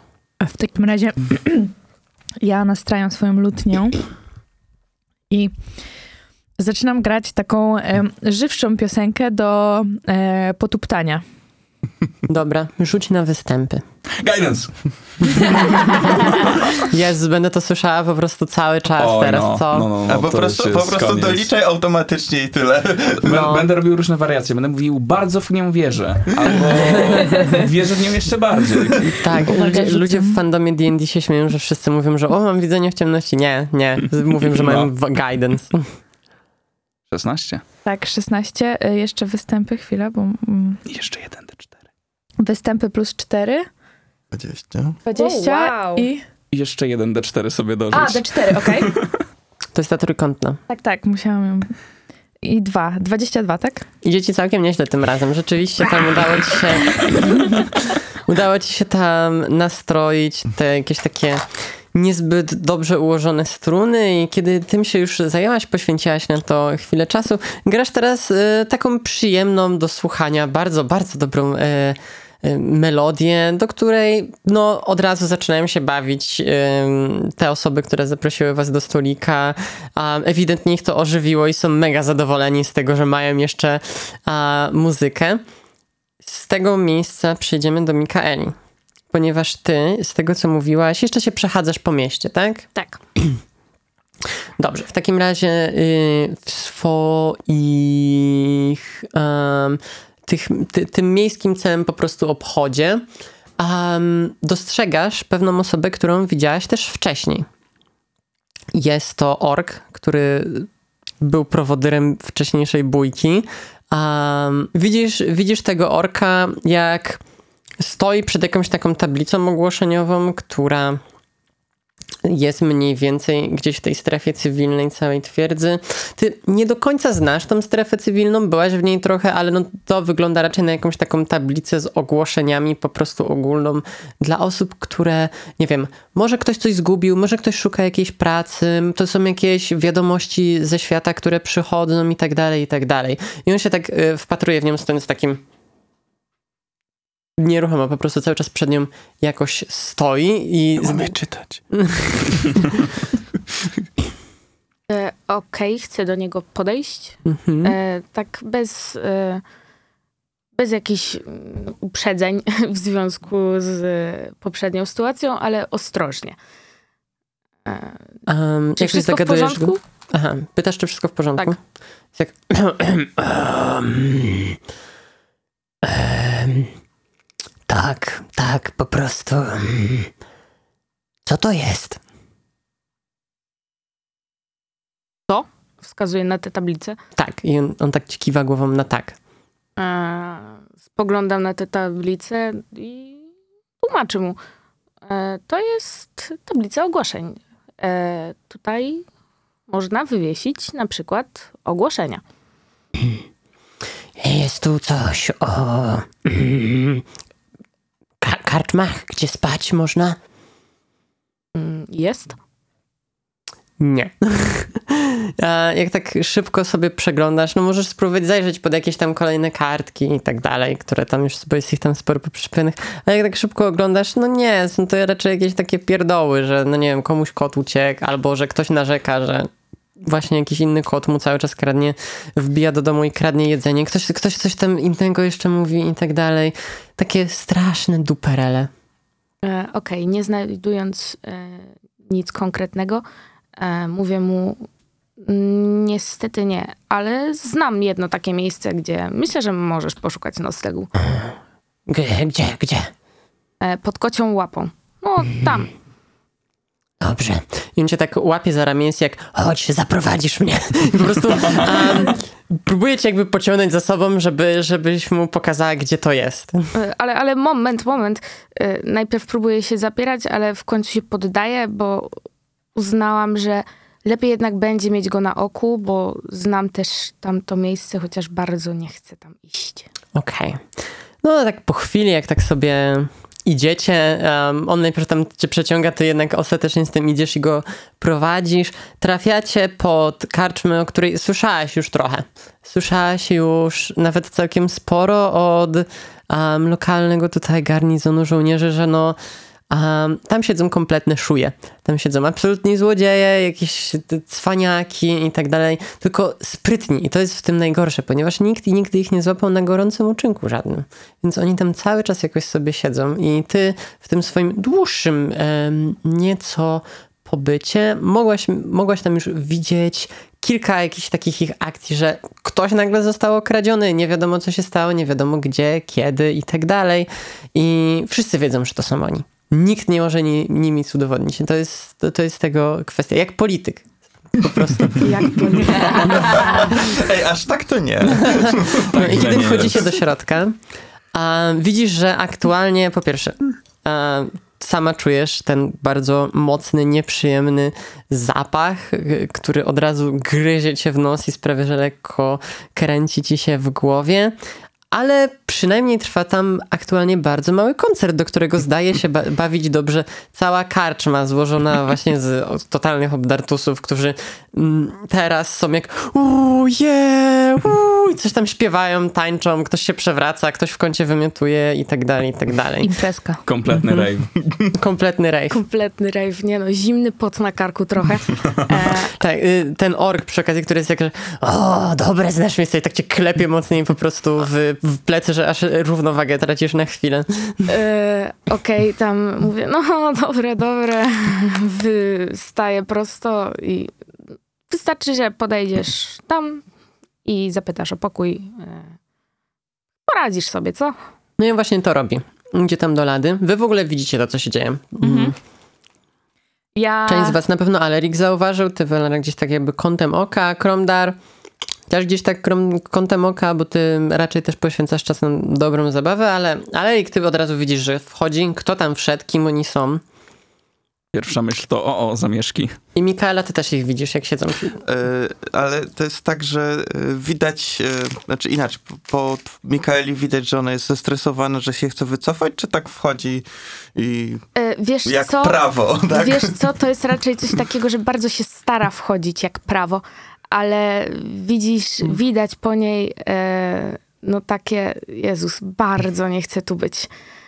Bardzo, no widzisz, że jest młoda, że jeszcze tak mało, mało ma pewności pewnej. To, to e, Kromdar się z, ze, ze stołka wspina na stół zaraz za plecami. Zanim w ogóle będziesz miał tę okazję jeszcze zrobić, to Pip tak cię zaczepi jest jak o, szefie, szefie, to jest ta, ta, co mnie złapała z tymi kradzionymi rzeczami. No to tym bardziej mam, mam motywację, także się sp- wspina na stół i e, tupie, tak, na chwilę zagłuszając tam koncert, czy przerywając i o, kto nas odwiedził? Zapraszamy! Zawsze z poszanowaniem do szanownych stróżów prawa, proszę do środka, zapraszamy, zapraszamy i wiesz... Generalnie te wszystkie rzeziemieszki, które tego słuchają, zaczęli bardzo głośno się śmiać, aż za głośno, bo to nie padł żaden dobry żart w tym momencie, nie? Przynajmniej ty masz wrażenie, że żaden dobry żart nie został teraz powiedziany, a oni z jakiegoś powodu zwijają się ze śmiechu. Bardzo to jest niezręczne dla mnie i trochę skoczyło mi ciśnienie, ale bardzo się staram zignorować to po prostu i poczekać, aż ten ork podejdzie do lady. On już tam jest. Dobra, ja mogę po prostu stamtąd pójść. Nie. Jeżeli chcesz wyjść, możesz po prostu wyjść. E, Okej, więc rzucam jeszcze okiem na tego orka Mhm. i raczej kieruję się w stronę wyjścia. Ja w tym momencie zeskakuję ze stołu i krzyczę Pani ważna! Pani ważna! Zapraszam! Zapraszam! I łapię ją za rękę i ciągnę na środek. E, tak więc czujesz, że ktoś chce jakby cię wciągnąć do karczmy, jak akurat ty już jesteś tak jedną nogą za drzwiami. Masz takie, mogę sobie iść wreszcie, zająć się jakimiś swoimi sprawami, iść spać przed jutrem. A nie wiem, zapierasz się jakoś? E, tak. E, I no tak jakby to wciąż jest bardzo niezręczne. I zaczynam się tłumaczyć, że y, nie, nie, wiesz co, y, może innym razem. Ale jesteś zestresowana, widzę, jak bardzo potrzebujesz rozluźnić się, szczególnie przed takim ważnym dniem, jakim jest jutro.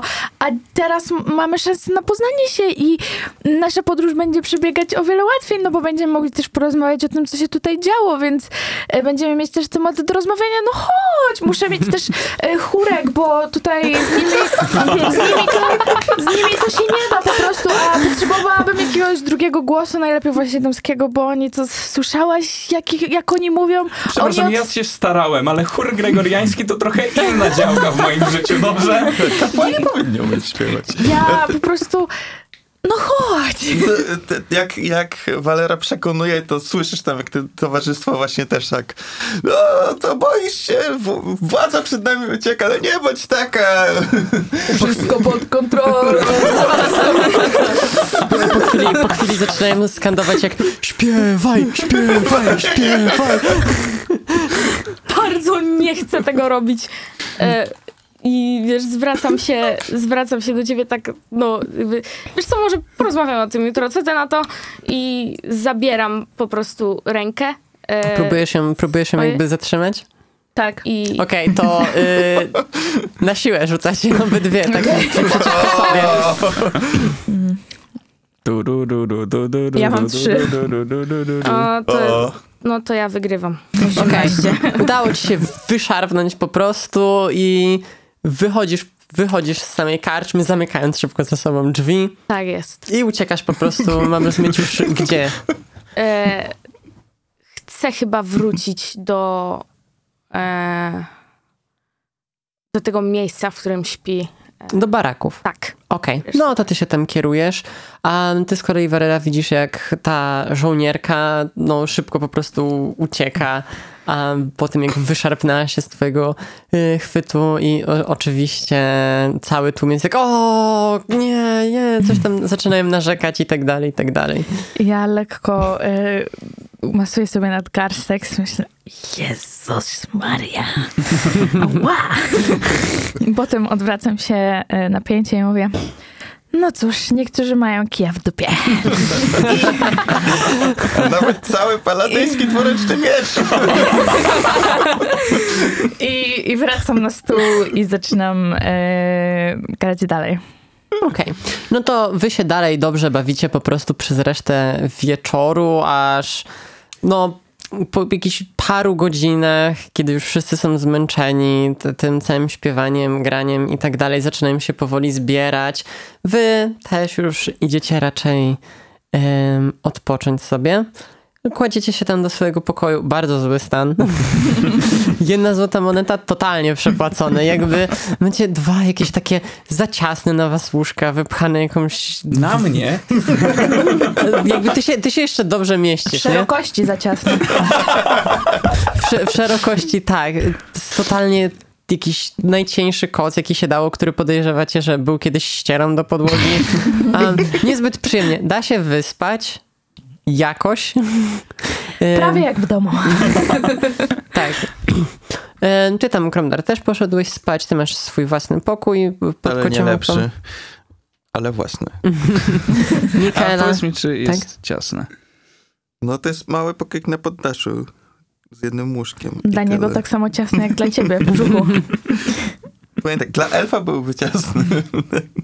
Tak, ty, Mikaela, z kolei powracasz e, powoli do baraków, kiedy też ta wewnętrzna część twierdzy, gdzie no, znajduje się przede wszystkim ta militarna strona całego tego miejsca, jak właśnie baraki, jak stajnie, kuchnia polowa, y, ci wszyscy oficerowie, wszyscy żołnierze, których jest, jeż- jest po prostu zdecydowanie więcej niż na co dzień ze względu na jutrzejszą wyprawę na posterunek Molchen.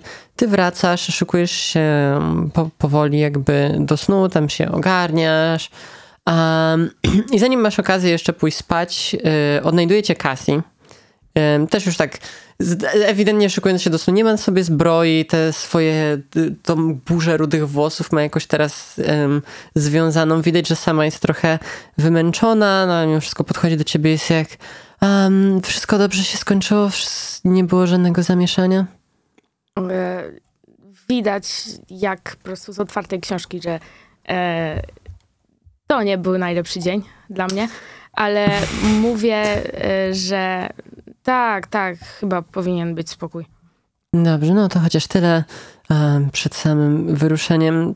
Jednak tak jak reszta oficerów i Lady Dina rozmawialiśmy jutro w samej podróży, może być nieciekawie, dlatego um, zleciłabym ci podróżowanie z tyłu całej wyprawy, aby też tam pilnować mniej więcej porządku. E, Face crack. Momentalny face crack po prostu. Ale Tak, bo ty generalnie wiesz, że raczej a, prowadzić całą podróż mieli ci oficerowie, wojsko, że oni mieli jechać jakoś z przodu, a i ty też miałaś być gdzieś tam, nie z samego przodu, ale raczej bliżej środka niż z samego tyłu, gdzie a, mają być takie rzeczy jak wozy z zapasami i osoby, którym najmniej się chce, a z jakiegoś powodu nadal tu jednak są i mogą powodować jakieś problemy. No tak, domyślam się tego właśnie. E, bardzo nie jestem zadowolona z tego. E, nie tak sobie wyobrażałam to wszystko i miała... Inny był pomysł na tę wyprawę w mojej głowie, ale no, no obowiązek, więc tam zgadzam się posłusznie. No, jest no, to potem jak tłumaczysz mniej więcej tutaj swoje powody, to ona mówi jak rozumiem, że to nie jest idealna hmm, opcja, jaką ci tutaj przedstawiam, niemniej um, to, tobie tutaj ufam najbardziej aktualnie ze wszystkich i wiem, że będziesz mogła jak coś się tym zająć, zwłaszcza, że ten ork może spowodować jeszcze problemy, Um, na szczęście z serii Jeremiaszem, jak to się nam wreszcie przedstawił, ten, ten szlachcic jest wszystko okej, nawet z nami wyruszy, ale ja i Lady Dina wolałybyśmy, żeby nie doszło do podobnych sytuacji. E, oczywiście kwestia o zaufaniu bardzo zmieniła moje nastawienie. Jasne. I tak e, z większym mm, zaangażowaniem może znowu mówisz, no, tak, oczywiście, żaden problem. Wszystko będzie pod kontrolą. No ja na tym się żegna z tobą. Ty możesz już y, wracać do no po prostu szykowania się do snu i z tym wszyscy już śpicie. Noc wam minęła. Bardzo dobra Mimir. Tak. A budzicie się mniej więcej z pierwszymi promieniami słońca, które wychodzą nieśmiało za horyzontu, aby zebrać się już na samą wyprawę. Część z was z większym lub mniejszym bólem głowy po w- wcześ- wcześniejszym balowaniu e, w pewnej karczmie. E, No ale ostatecznie udaje wam się w miarę zebrać.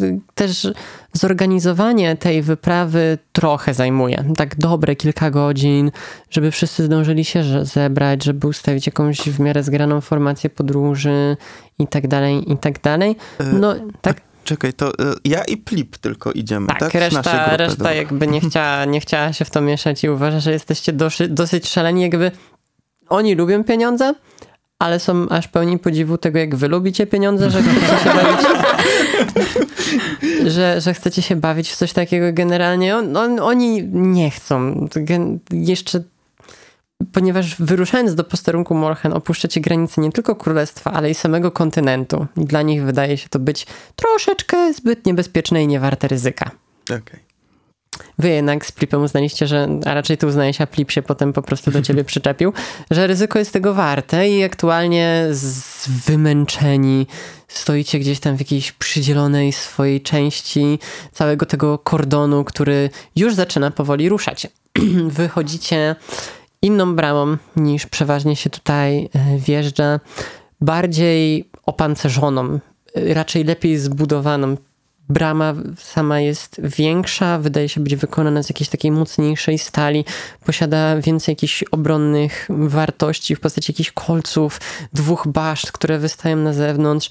I kiedy tylko to wejście się otwiera, to co widzicie naprzeciwko, em, za, za tym samym murem, w waszej drodze na południe, to jest pustka. To jest bardzo spora, śnieżna, lodowa pustka, w którą wy teraz wszyscy A wyruszacie. tak mniej więcej i razem wszystkich ile ta wyprawa ma osób? Tak na oko... 20, 30, 100? Minimum pięć. Minimum pięć. 4, a 5, tak. Minimum pięć, a tak jak ty na to patrzysz, masz wrażenie, że tak może koło 200 nawet. Ojeju, na Mm. jeden mały posteruneczek. No, Mhm. Może nawet tak koło 200, a może troszeczkę mniej, ale też nie jesteś pewien na ile osób tutaj jakby znajduje się, żeby sam posterunek spróbować odbić, ponieważ są to też jacyś pomagierzy, którzy zajmują się zasobami, jacyś woźnicy, którzy y, są tylko po to, aby pomagać z końmi, z mułami, które będą was prowadzić przez te lodowe pustkowie, w które teraz wkraczacie. Wy podróżujecie wszyscy mniej więcej na końcu. Y, Mikela, bo musi wy dlatego, bo bo dosyć mocno zaspaliście, w sensie no po wcześniejszym dniu, jak przyszło co do czego i trzeba było się budzić, było ciężko, było wymagająco.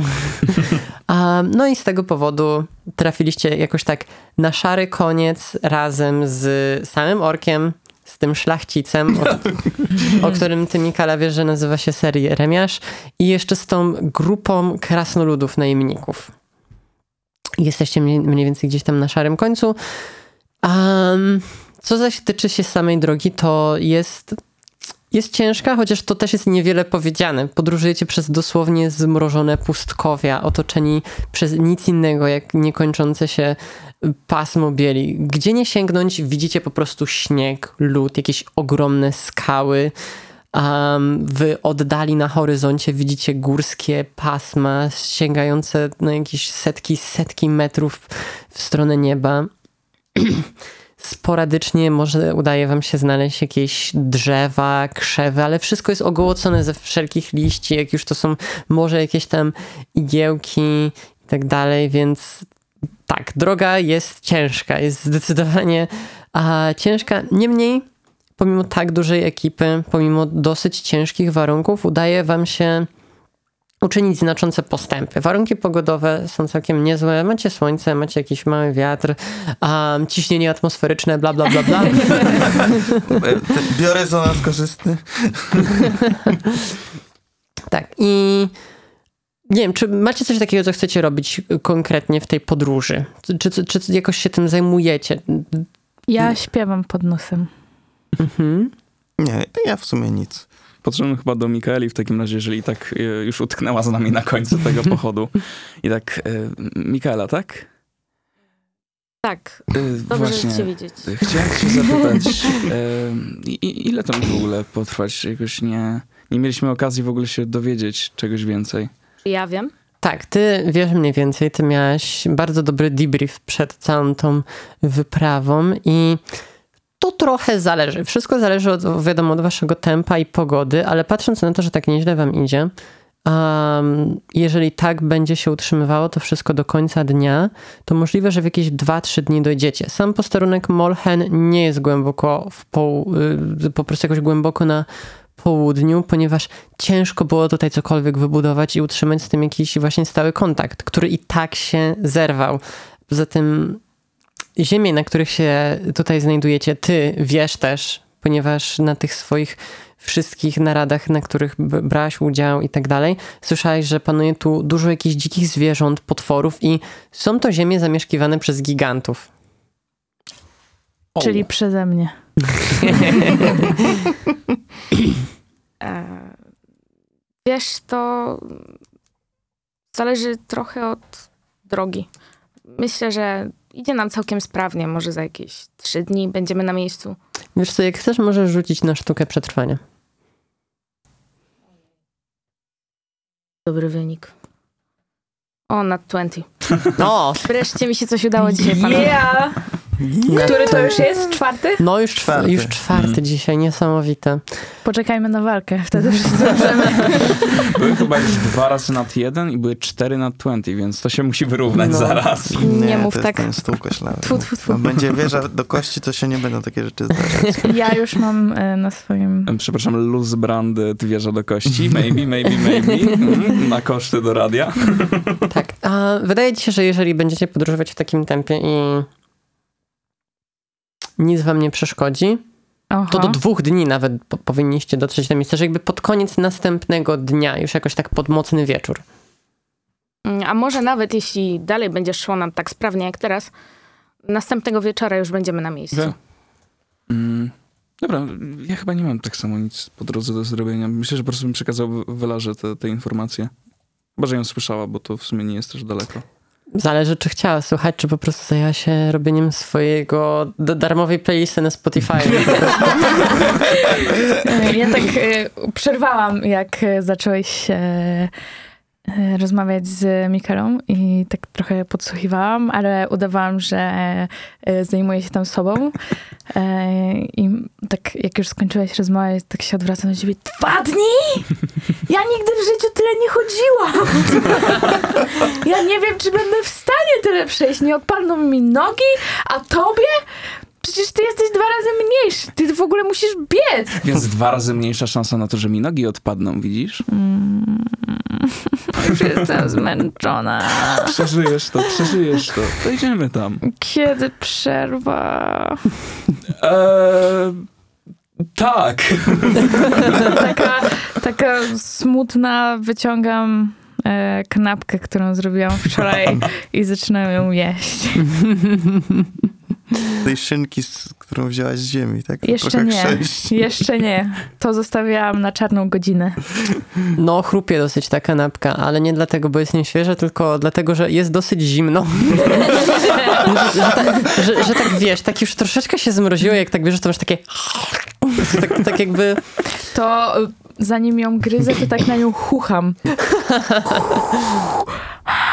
Żeby trochę ją e, ocieplić. prawie nie pomaga.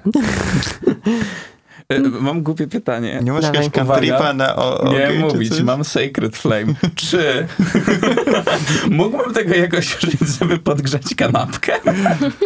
Czy, czy, czy możesz użyć świętego płomienia, żeby Tak. podgrzać kanapkę?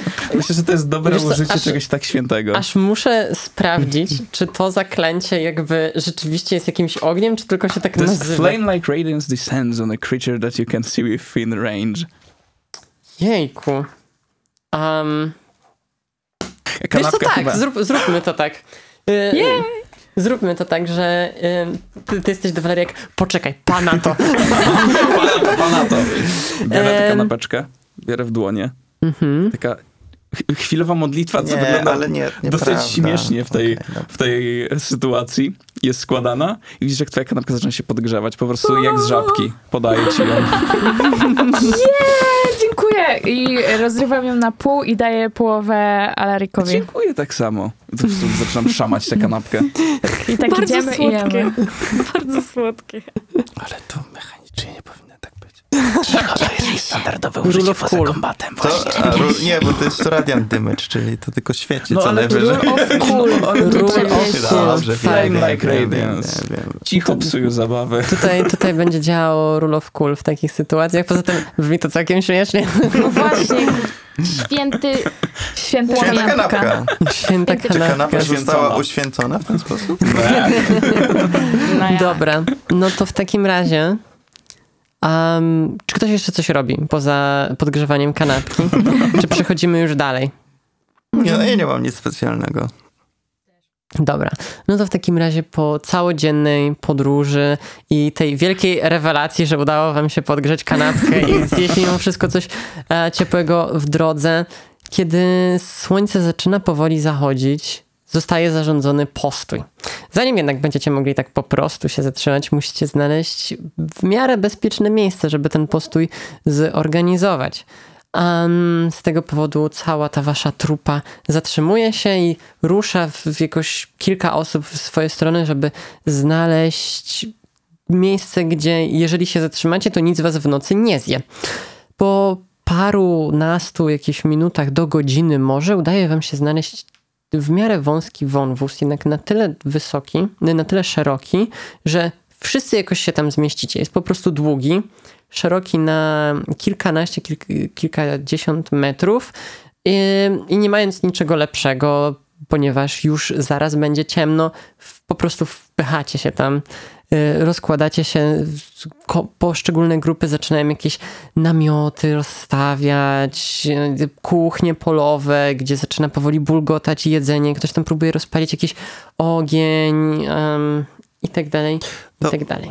Skoro jesteśmy w wąwozie i, i, i to jest takie niestety miejsce dość niebezpieczne, przynajmniej e, tak mi podpowiada mój zmysł, to e, chciałbym się tak rozejrzeć po, po górze, tak? Czy to, czy, czy to jest coś takiego, że może nas spuścić jakiś kamień, albo są jakieś ślady, że... Ale czy ty chcesz wejść od nie, nie, góry sprawdzić? nie, nie, Aha, nie. teraz. Po prostu stojąc na dole, tak, zobaczyć, Mhm. popatrzeć sobie w górę, e, czy, czy na przykład e, są jakieś przygotowane zapadnie, albo czy są jakieś luźne kamienie, które są do zrzucania. No po prostu tak jest, to, to nie jest sytuacja idealna, także chcę wiedzieć, czy coś nam w- na łeb nie spadnie zaraz. Okej, to rzuć na percepcję. A Ewentualnie. mogę sobie dodać, e, e, tutaj mam krasnoludzki ston. Już Nie mówić guidance, ale mnie by chyba już tam nie było. Stone Guidance, Guidance, tak, tak, tak, już muszę ci powiedzieć, jak się nazywa. Em, Znaczy, powiedziałabym, że jesteście w miarę gdzieś tak jeszcze w grupę zbici, jakąś swoją. Tam e, z, z tej tylnej części całego tego em, pochodu jesteście w miarę jeszcze jakoś tak blisko siebie. Mm, Więc jak chcesz rzucić guidance, to możesz rzucić guidance.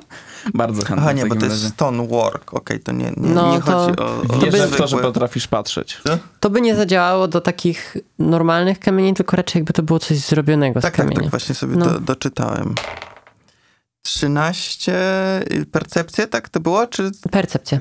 14 i guidance, tak? 15. nie wygląda jakoś to miejsce na. jakby było przygotowane pod pułapkę. Jakby rzeczywiście z góry miało na was coś spać. Może trochę śniegu, jeżeli go napada i postanowi się zsunąć, ale generalnie nic jakiegoś bardzo niebezpiecznego, ani tym bardziej niepokojącego. To i tak sobie y, zna, znajduję jakieś miejsce przy którymś końcu, tak? Bliżej Mhm. wlotu lub wylotu, nie, nie gdzieś na środku. Wylotów nie, nie widzicie, mimo wszystko to się dobrze. ciągnie bardzo, No bardzo to jakby daleko do przy przodu. wejściu, tak? Mhm, jasne. No i czy, czy wy też mniej więcej jakoś się tam rozkładacie, czy robicie coś innego? Myślę, że jak zostało znalezione już jakieś spoko miejsce, to ja tam się próbuję e, u, uładować. Mm, tak samo. Dobra, no to w tym samym rejonie mniej więcej, co wy, rozkłada się również sam półork, ser Jeremiasz, no i ta trupa krasnoludzkich najemników. Najlepsi przyjaciele. Wszyscy raczej jakoś zajmując się sobą, w szczególności ser Jeremiasz trzyma się bardzo daleko od em, y, tego półorka, a tak krasnoludy mówią w swoim języku, którego część z was nawet nie rozumie. No i też jakoś nie zwracają na was specjalnie uwagi. Ork tym bardziej. On sobie rzucił gdzieś jakiś koc i się położył i chce iść spać.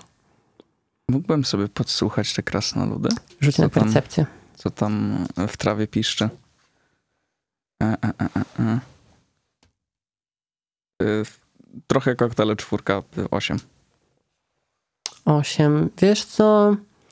Próbujesz jakoś y, tak też nie dając znać, że podsłuchujesz, podsłuchać to, to, co oni tam sobie rozmawiają, ale nie wyłapujesz nic szczególnego. Jest to raczej, y, raczej to jeden z nich głównie mówi, taki starszy, też, też jakiś posiwiały z dużą brodą, za kolami sterczącymi bardzo. Um, wydaje im rozkazy, gdzie tu rozłożyć, gdzie jakiś namiot, kto ma iść palić, rozpalać ognisko, kto ma, nie wiem, wykopać jakąś szybką latrynę na, na ten jednodniowy postój, ale żadne jakieś takie konkrety, które by cię zainteresowały. Okej, dobra. Ym, Wy jesteście w trakcie rozkładania swoich własnych jakichś obozowisk, rozrzucania sobie kocy, śpiworów. No i kiedy to robicie? Mikaela, y, ty widzisz, że podchodzi. Wy, wyłania się gdzieś z tego tłumu, podchodzi jest jak, a tutaj jesteś, tu, u, szukałam cię. Tak? Coś się stało? A, nie, nie, nic konkretnego się nie stało. Po prostu chcemy razem z innymi oficerami, żeby wysłać parę osób, parę grup dookoła samego wąwozu na małe przeszukanie terenu, żeby sprawdzić, czy nie ma tutaj nic niebezpiecznego, co mogłoby zagrozić całej wyprawie. Jeszcze jesteśmy na takim etapie, że jeżeli coś miałoby się stać, gdyby coś udało się znaleźć, możemy udać się w inne miejsce, ale to um, tr- trzeba szybko, szybko się tym zająć i chciałam właśnie wziąć do tego ciebie um, i jeszcze i ciebie, ciebie i tam zaczyna kolejno wskazywać na Kromdara i, i Plipa. Zaczyna wskazywać na Alerika, na Walerę i ser Jeremiasza. Wy udacie się pod dowództwem Mikaeli w głąb wąwozu na jego kraniec. Tam on rozchodzi się w trzy różne strony i wy weźmiecie tam najbardziej na prawo, aby sprawdzić, czy nic niebezpiecznego tam nie jest i cała wyprawa nie jest zagrożona. Ale mnie bolą nogi. Cóż, wszystkich nas bolą nogi, a to już nie jest moje zmartwienie tak naprawdę. A ktoś nam za to ekstra zapłaci? Nie. Aha. E, jasne, w porządku, zajmiemy się tym. To może ty, święta, jak ty jesteś taka do przodu, to co? To może ty zapłacisz ekstra. Wam? No. No. Ty akurat pod myślę, że sobie świetnie. Akurat myślę, że ty sobie świetnie radzisz ze znajdowaniem zarobków. To nie znaczy, że nie można znaleźć dodatkowych. Nic nie mówili o zrobieniu za szpiega albo jakiegoś innego skauta. Mieliśmy doleć do posterunku, zobaczyć co tam się stało i wrócić. Jeśli tego nie sprawdzimy, jest szansa, że nie doleziemy. Mm. Rozglądam, czy mam jakieś poparcie w sprawie Nie, to, dodatkowych to, to, to monet. był argument temat zamknij japę. Wiesz co, nawet Plip się jakoś nie wychyla, patrząc na to, że został dzień wcześniej bardzo ostro zmuszony do oddania swoich skradzionych przedmiotów i, i ma też takie już, dobra, dobra, chodźmy już, jak powinien mieć to z głowy. No to idziemy. Ale jak coś znajdziemy, to jest moje. W pierwszej kolejności. To jeszcze tak zastrzegam pod nosem, żeby, żeby nie było, że się Jeżeli tak chcesz poddałem. kubkę śniegu i troszeczkę sopelków, bardzo cię proszę. Żeby się nie było, że się tak poddałem bez, bez żadnych negocjacji. Dobra, no to w takim razie wy się przyciskacie najpierw przez te wszystkie osoby, które rozkładają obozowisko, jakieś polowe kuchnie, z których unosi się ciepły, miły swąd jedzenia. Całkiem nawet niezłego jedzenia z tego, co możecie wyczuć, ale no to nie jest na razie dla was teraz. Um, ponieważ mijacie to wszystko, odchodzicie poza tą całą grupę, w głąb wąwozu, mając za źródło światła jedynie dwie pochodnie. Słońce już na tym etapie jest bardzo mocno za horyzontem, że będąc w tym wąwozie panuje praktycznie całkowita ciemność, więc bez tych pochodni nic byście, no nic byście nie widzieli i dochodzicie do tego rozgałęzienia, o którym Cassie wspomniała i skręcacie w prawo. Podróżujecie przez kilka minut w głąb, aby zajrzeć, czy jest tam coś dziwnego i powiedzcie mi, w jakiej formacji podróżujecie? Jak się ustawiacie? Ja pewnie idę pierwsza jako Mhm. prowadząca. Ja ostatni. Ja też jakoś raczej z przodu bym się, bym Okej. się ustawił. Ale idziecie w rządku, jakoś obok siebie? Jak No to? A jest to miejsce? chyba... Właśnie. Jest miejsce, żeby zrobić jakieś takie dwa albo trzy, trzy takie zbite rządki. To no ja na pewno idę z przodu. W pierwszych rzędach. To od Mhm. was zależy. E, E, Velara jak jest gdzieś e, po środku. Ja raczej też idę z przodu, jestem trochę bardziej opancerzony, więc nawet I małe, więc nic nie i małe, więc wy wszystko widzicie dzięki temu, tak? Dobra, no to to wygląda tak, że Velara z Mikalą idą obok siebie z przodu, za nimi, y, Boże, y, Alerik y, z Mikalą idą y, z przodu, Valera razem z Seriem Re- Jeremiaszem obok siebie są w środku, a za wami jest Plip z Kromdalem. I kiedy tak idziecie, a propos Ser Jeremiasza, to jest człowiek, którego chce się udusić, kiedy jest się z nim nieco dłużej, ponieważ pomimo tego, że stracił kilka zębów i został bardzo mocno bity, nie kończy narzekać, tylko jest cały czas jak "Ach, naprawdę, żeby wysyłać tutaj kogoś mojego pokroju na coś, coś, coś takiego. Kto by to pomyślał? Ja jestem tutaj nie po to, aby przeszukiwać jakieś zabrudzone, zasyfione ym, wąwozy, tylko pokazywać, zdobywać chwałę, zdobywać bogactwa na, moje, na moją renomę, a nie co, co, to, co to ma być. Najpierw jakiś nieokiełzniony brutal, teraz to, to jest... A tego orka z nami nie ma akurat. Nie, Tak. tego orka z wami nie ma. Ja tak go, e, tak się odwracam do niego i tak mu przerywam e, jego wywód narzekający i pytam się go, próbował pan kiedyś przykleić zęby z powrotem, te, które wypadły? Cóż, nie, ponieważ tam skąd ja jestem, są same osoby na poziomie i a, nie wybijamy sobie zębów, więc no to jest niestety pierwszy raz, kiedy by mi ich brakowało. No, może od kiedy nie byłem dzieckiem i a, moja matula oraz niania nie dbały o moje, y, moje mleczaki, chociaż to już było naprawdę, naprawdę bardzo dawno temu. A chce pan spróbować? Nie, nie, roz, nie, rozumiem, nie rozumiem sugestii. Tak wyciągam ze swojej kieszeni jego zęby. No bo widziałam, że panu wypadły. Jest tak obrzydzony bardzo mocno tym, co widzi. To chce pan spróbować? A ja, ja, jak miało wyglądać by to przyklejanie? Przepraszam, ja nie znam się na jakichś wiejskich No. metodach leczenia. Wydaje mi się, że skoro wypadły siłą, no to siłą mogą też wpaść znowu. Potrzebujesz tego młota i tak wyciągam ten młot bojowy, który mam ze sobą. On tak na to patrzy, jest jak na promienie Samwajna, jak ty absolutnie nie. Um, ja rozumiem, że dla was um, to może być dobry pomysł, ale zaufajcie mi, tutaj wydaje mi się um, najbardziej inteligentnej, obdarzonej in, największą inteligencją osobie, em, że raczej się to nie uda i nie powinniście tego e, e, robić. No ale A to... ja, a ja słyszałem, że na kupę trola najlepiej przykleić. Z tyłu. E, tutaj nawet ja się zaśmiałam słysząc. E, Bo wie pan, mówił pan, że tam z pańskich stron, no to ludzie sobie zębów nie wybijają, to tak pomyślałam, że no bo kiedyś pan wróci tam i co oni sobie pomyślą, że pan jest jakimś bijatychą i nie będą chcieli z panem w ogóle już czasu spędzać, rozmawiać, więc chciałam o pana trochę tutaj zadbać, no bo to taka już jestem. Wybite zęby to przecież domena wiejskich ludzi, prawda? No właśnie, to sam pan tak mówił, no to chciałam panu jakoś pomóc, żeby pan znowu się wyróżniał, żeby mógł pan się poczuć no lepszy, tak jak pan jest lepszy oczywiście od nas. Okej, rzuć. Rzuć na perswazję albo na oszustwo. Zależy, E, zależy czy ty naprawdę wierzysz w to, że to jest jakby dobry pomysł. Je- Ona by mogła, to jest najgorsze.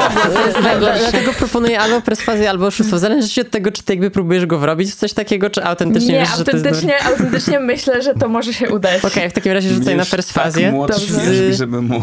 z ułatwieniem. Okej, e, to znaczy, że dwa razy rzucam? Tak, i bierzesz wyższy Okej, wynik. 14. 14, okej, czyli tak ma być. Plus 2 perswazja, e, no to 16. On tak na chwilę się zastanawia, jest jak... Hmm. Cóż, muszę przyznać, że jak na dziewkę z plepsu możesz mieć jakiś, um, jakieś tutaj um, pojęcie. Um, no dobrze, dobrze, za, zaufam ci w takim razie. To zgadzam się też, że ja nie mogę absolutnie tak wrócić do em, ludzi na poziomie. Um, I o ile w waszym gronie mogę się jakoś tak pokazywać w niezbyt dobrej formie, to przed innymi absolutnie. Um, dobrze, z, z, zróbmy to w takim razie. E, Dobrze, dobrze, tutaj jest taki kamyczek, proszę, proszę sobie przecupnąć tutaj. Czy wy, czy wy się zatrzymujecie, żeby to zrobić generalnie? Okej, ja się zatrzymuję też i odwracam się. Ej, nie, nie, no co wy? No ale chwila, no nawet jeśli byśmy zginęli, no to... Zginęli? Dlaczego mielibyśmy No zginąć? nie wiem, zakładam najczarniejszy scenariusz, To który musi zginiemy z być. pełnym uzębieniem. Dokładnie, wtedy on nie będzie musiał się wstydzić, jeśli jego ciało wróci tam do niego. E, Wydaje mi się, że powinniśmy tutaj posłuchać zabrudzonego krasnoluda. E, s- ale to, że przykleić na kupę orka? Nie, nie, a... Wypraszam sobie, Trolla? wy, wy, wypraszam sobie. Nie, już, już wolę użyć kamienia. A, dobrze, no to Hmm. to robimy, tak? Nie, nie, nie, nie, nie. To jest beznadziejny pomysł. E, od razu tam podchodzę. Może lepiej chodźmy po prostu. No dobrze, no to jak wrócimy może do obozu? Okej, to postaramy się, żeby pan nie zginął i potem będziemy się bawić w zombie. Wy lepiej, żebyście się postarali, żebym ja nie zginął. To... Będzie pan w centrum mojej uwagi. Meta, jeżeli on będzie stał przy jakiejś skarpie, to wiesz, że ja go zepnę. Ja się nie zawaham.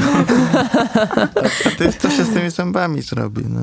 Ja ro- rozważam bardzo poważnie to, czy na pewno dobrym pomysłem było odciągnięcie z tego pomysłu. Trochę mam go dość również, ale no cóż. Ale na pewno, zostawiamy to na później, bo teraz to jest świeży pomysł i jesteśmy wszyscy do niego przekonani. Ja bym A go potem zaczną, się, potem zaczną się rozmyślania i skończy pan z niepełnym uzębieniem. To- tylko Tak y, się teatralnie jest jak... Oj, proszę mi zaufać, że ja będę pamiętać. Sir Jeremiasz Henryk Fotil III zawsze dotrzymuje słowa. Kiedy to się dzieje, kiedy cała ta rozmowa się odbywa, osoby, które jakby są nieco poza nią, czyli Alerik... No, nie, wiecie co, wszyscy rzućcie na percepcję, ale Kromdar i Valara rzucają z utrudnieniem. 7, 9, okej, 7 plus 2, 9. Dziewięć też. 17, to jest już Suzbą, który rzut na percepcję, który Dobra, dobra, idzie. nie, pójdziemy, pójdziemy po kolei. Y, Zuza, Trzy. Ania, 9. Wojtek 17. i Jacek. Dziewięć. Dobra. W takim razie, Alerik, tylko ty, jak, ta, jak próbujecie zachęcić serię Remiasza do tego, żeby wbić mu zęby z powrotem w dziąsła. Um, Przez dziąsła do serca, tak się mówi um, przecież. tak, ty rozglądasz się tak jednocześnie dookoła i widzisz, że dalej nieco jakbyście poszli w głąb tego wąwozu, masz wrażenie, że zobaczyłeś jakiś ruch. Masz, masz wrażenie, że coś się tam poruszyło i to nie było na zasadzie, że o, gałąź przez wiatr się ruszyła, bo po pierwsze tutaj za bardzo nie wieje, a wszelkie jakby drzewa znajdują się na tych wyższych skarpach ponad wami. Tutaj są co najwyżej jakieś kamienie, jakieś wymarłe krzaki i tak dalej. I co, co, coś, tam, coś tam się ruszyło dalej. Okej, okay. z racji na to, że jestem z przodu naszego pochodu, nie powinno być trudnym zatrzymanie nas na chwilę. I tak pokazuję po prostu palcem, żebyśmy byli cicho chwilę i spróbowałbym jeszcze zerknąć, jakby wskażę wszystkim też, żeby było wiadomo plus minus, że coś zobaczyłem po prostu, więc wskażę po prostu palcem wprost. A ile jesteśmy mniej więcej od wyjścia, znaczy od, od obozu? O, może w ten sposób. Od obozu szliście jakieś takie dobre 15-20 minut. Um, no więc nie powiedzieliście mi że jakby idziecie ostrożnie, uważając, więc raczej szliście na takiej zasadzie, że dobra, idziemy po prostu i patrzymy, co się dzieje. A we win this, let's go. We Windows! A, no więc tak odeszliście. Czy- czyli inaczej jesteśmy poza zasięgiem wzroku, słuchu i tak Tak, dalej. zdecydowanie. To, o to, jak chodziło, najbardziej. Nie słyszycie nawet już, co się tam dzieje. Um, przez to, że skręciliście w inny wąwóz, to nawet światła z obozu nie docierają do was. Mm, Okej. Jak, jak mówię, wskażę wam wszystkim, jakby gestykulując na razie i bardzo cicho powiem, że dam sobie rękę uciąć, że coś się tam ruszyło. I nie był to żaden wiatr, nie była to żadna zaspa, która się przewaliła. Coś tam jest głębiej. Ja patrzę bardzo badawczo w tamtą stronę, e, też starając się coś zobaczyć. Moja ręka zawisła tak nad e, rękojeścią miecza. Mhm. Co robi reszta z was? E, Ja się tak odwracam, chowam zęby głęboko, żeby nie wypadły przypadkiem. Znowu? Tak. E, I patrzę po prostu w tą stronę i tak szepczę do Alerika. Jesteś pewien, że to nie był jakiś zając, po prostu troszkę większy. Takiej wielkości zająca jeszcze nie widziałem. To ja e, odwrotnie niż wszyscy, e, jak oni się tam wpatrują w, w przód, tak, to e, ja na wszelki wypadek zabezpieczam tyły, tak, czyli patrzę, czy, czy od tyłu coś nie przyłazi albo z góry, tak, czyli w odwrotnym kierunku niż oni się wpatrują, tak. Serii Remiarz. Y, Plip się w ogóle trzyma ciebie, on raczej tak milczy i widzisz, że jest zestresowany, a tak on ma jakiś swój sztylecik, jakąś taką broń i tak trzyma teraz w takich drżących swoich e, małych gnomich rękach, tak jest jak em, rozglądając się po prostu w każde miejsce, wiecie, jak dziecko, tak Mm. naprawdę. A serii Remiarz z kolei, jak ty to powiedziałeś, tak sedzi przez zęby, no to jak żeś coś widział, to może pójdź to sprawdzić, a nie będziesz nas p- po prostu mówił. E, Ja odwracam się do niego. Cicho. Nikt nie będzie mnie, wypraszam, sobie tak. Zamknij ryj. Ja go tak klepię w głowę i pokazuję palcem, żeby był cicho. On, on tak tylko ym, trochę jak ryba, tak cały czas otwiera i zamyka się, tak bezczelny, ale zamyka się. Ale chyba musimy podejść bliżej, no. Taka E, misja. Ja przytakuję i no, tak dając znak ręką, żeby wszyscy raczej ciszę zachowali, e, powoli ruszam do przodu. Okej, czyli mam rozumieć, że idziecie y, tylko ty, czy wszyscy? Nie Nie, no, w grupie Wszy- wszyscy tak krok po Krok kroku. po kroku. Okej. Czyli się skradacie. Tak. O No to wiecie, co to znaczy. Czas rzucić na skradanie. Oj, oj. Zuza, ty masz utrudnienie Dramat. ze względu na pancerz Ja też i ty mam. też, no, ty też masz! Erik. Okej. I oboje na przodzie. Ja mam sześć... A dobra. Joink. Rzuć, jak będziecie po Pierwsze prostu wszyscy 13, gotowi, to Okej. powiedzcie mi już, że Mhm. macie, ja, ja was wtedy Y, wypytam A szybko. po prostu 13. Ja mam. To Velara ma 20. 19. Trzy- No okej, i jeszcze teraz Ja siedem. Mikaela. Okej, um, idzie wam całkiem nieźle wszystkim, O, damn. poza Mikaelem. O, damn. Ponieważ jak tak się skradacie, to słyszycie cały czas takie szcz, Ja tam Z jakim- szybko oliwię ten pancerz, Tak, prostu z tej kanapki jakimś- biorę tłuszcz po prostu. No i po tym, jak skradacie się przez jakieś parę metrów, poza tym szczękaniem pancerza, kiedy się przekradacie, zaczynacie słyszeć taki cichy, cichy warkot. Gardłowy, mocny. Do niego po chwili dołącza drugi. I kiedy Mhm. tak patrzycie przed siebie, widzicie, że z tej takiej ciemności w światło rozpalonych waszych pochodni zbliżają się dwa sporych rozmiarów, szaro-czarne wilki. O diable. E, Za wa- y, Boże, nie za wami, przepraszam bardzo, tylko za nimi z kolei um, wyłaniają się cztery sylwetki. Cztery ludzkie sylwetki, um, odziane w jakieś skórzane pancerze, ciemne jakby szaty i każda z nich Poza tym, że ma jakieś zamaskowane twarze, przez co nie możecie rozczytać za bardzo rysów, ma też bronię w ręce. hmm. Jakby czuć, że zaraz gówno uderzy w wiatrak. Zdążymy zrobić coś jeszcze teraz? Czy raczej nie ma na to czasu? Powiedziałabym, że jako takie Zwiać. ostatnia, ostatnia jakaś akcja, jaki instynktownie coś takiego może by wam się Shield wydaje. of Faith instant na Mikaele obok mnie, jeżeli, jeżeli zdążę po prostu. Dobrze. I tak naprawdę ten gest, kiedy ty ewidentnie puszcza, rzucasz jakieś zaklęcie na stojącą obok ciebie Mikaelę, um, przede wszystkim sprawia, że ci wasi przeciwnicy stają się przeciwnikami na 100%. um, mają takie, o cholera, i dobywają broni wyżej, próbując się rzucić. Ktoś tam każe tym wilkom lecieć na was. I dochodzi do walki, którą zajmiemy się już później, już na naszej następnej sesji. Tylko nie to. I zostało nam 9 minut, co może zdążymy. Nie, nie zdążymy na pewno. Skończymy. Zrobimy to sobie na następnej sesji. Zaczniemy od y, bitki. Na tym będziemy z kolei kończyć pierwszy odcinek Rzuć na luz. Um, Jupi! Który rozpocznie nam całą, miejmy nadzieję, wieloodcinkową kampanię. No i tak dla przypomnienia. Ja byłam Nikola, y, prowadziłam całą kampanię i będę ją prowadzić dalej. E, Zuza jako Mikaela. Ania jako Velara. Wojtek jako Alerik. I Jacek jako Kromder. I dziękujemy wszystkim bardzo za słuchanie. Do następnego. Dzięki Do wielkie. następnego. Dzięki, Pa, pa. hej, cześć!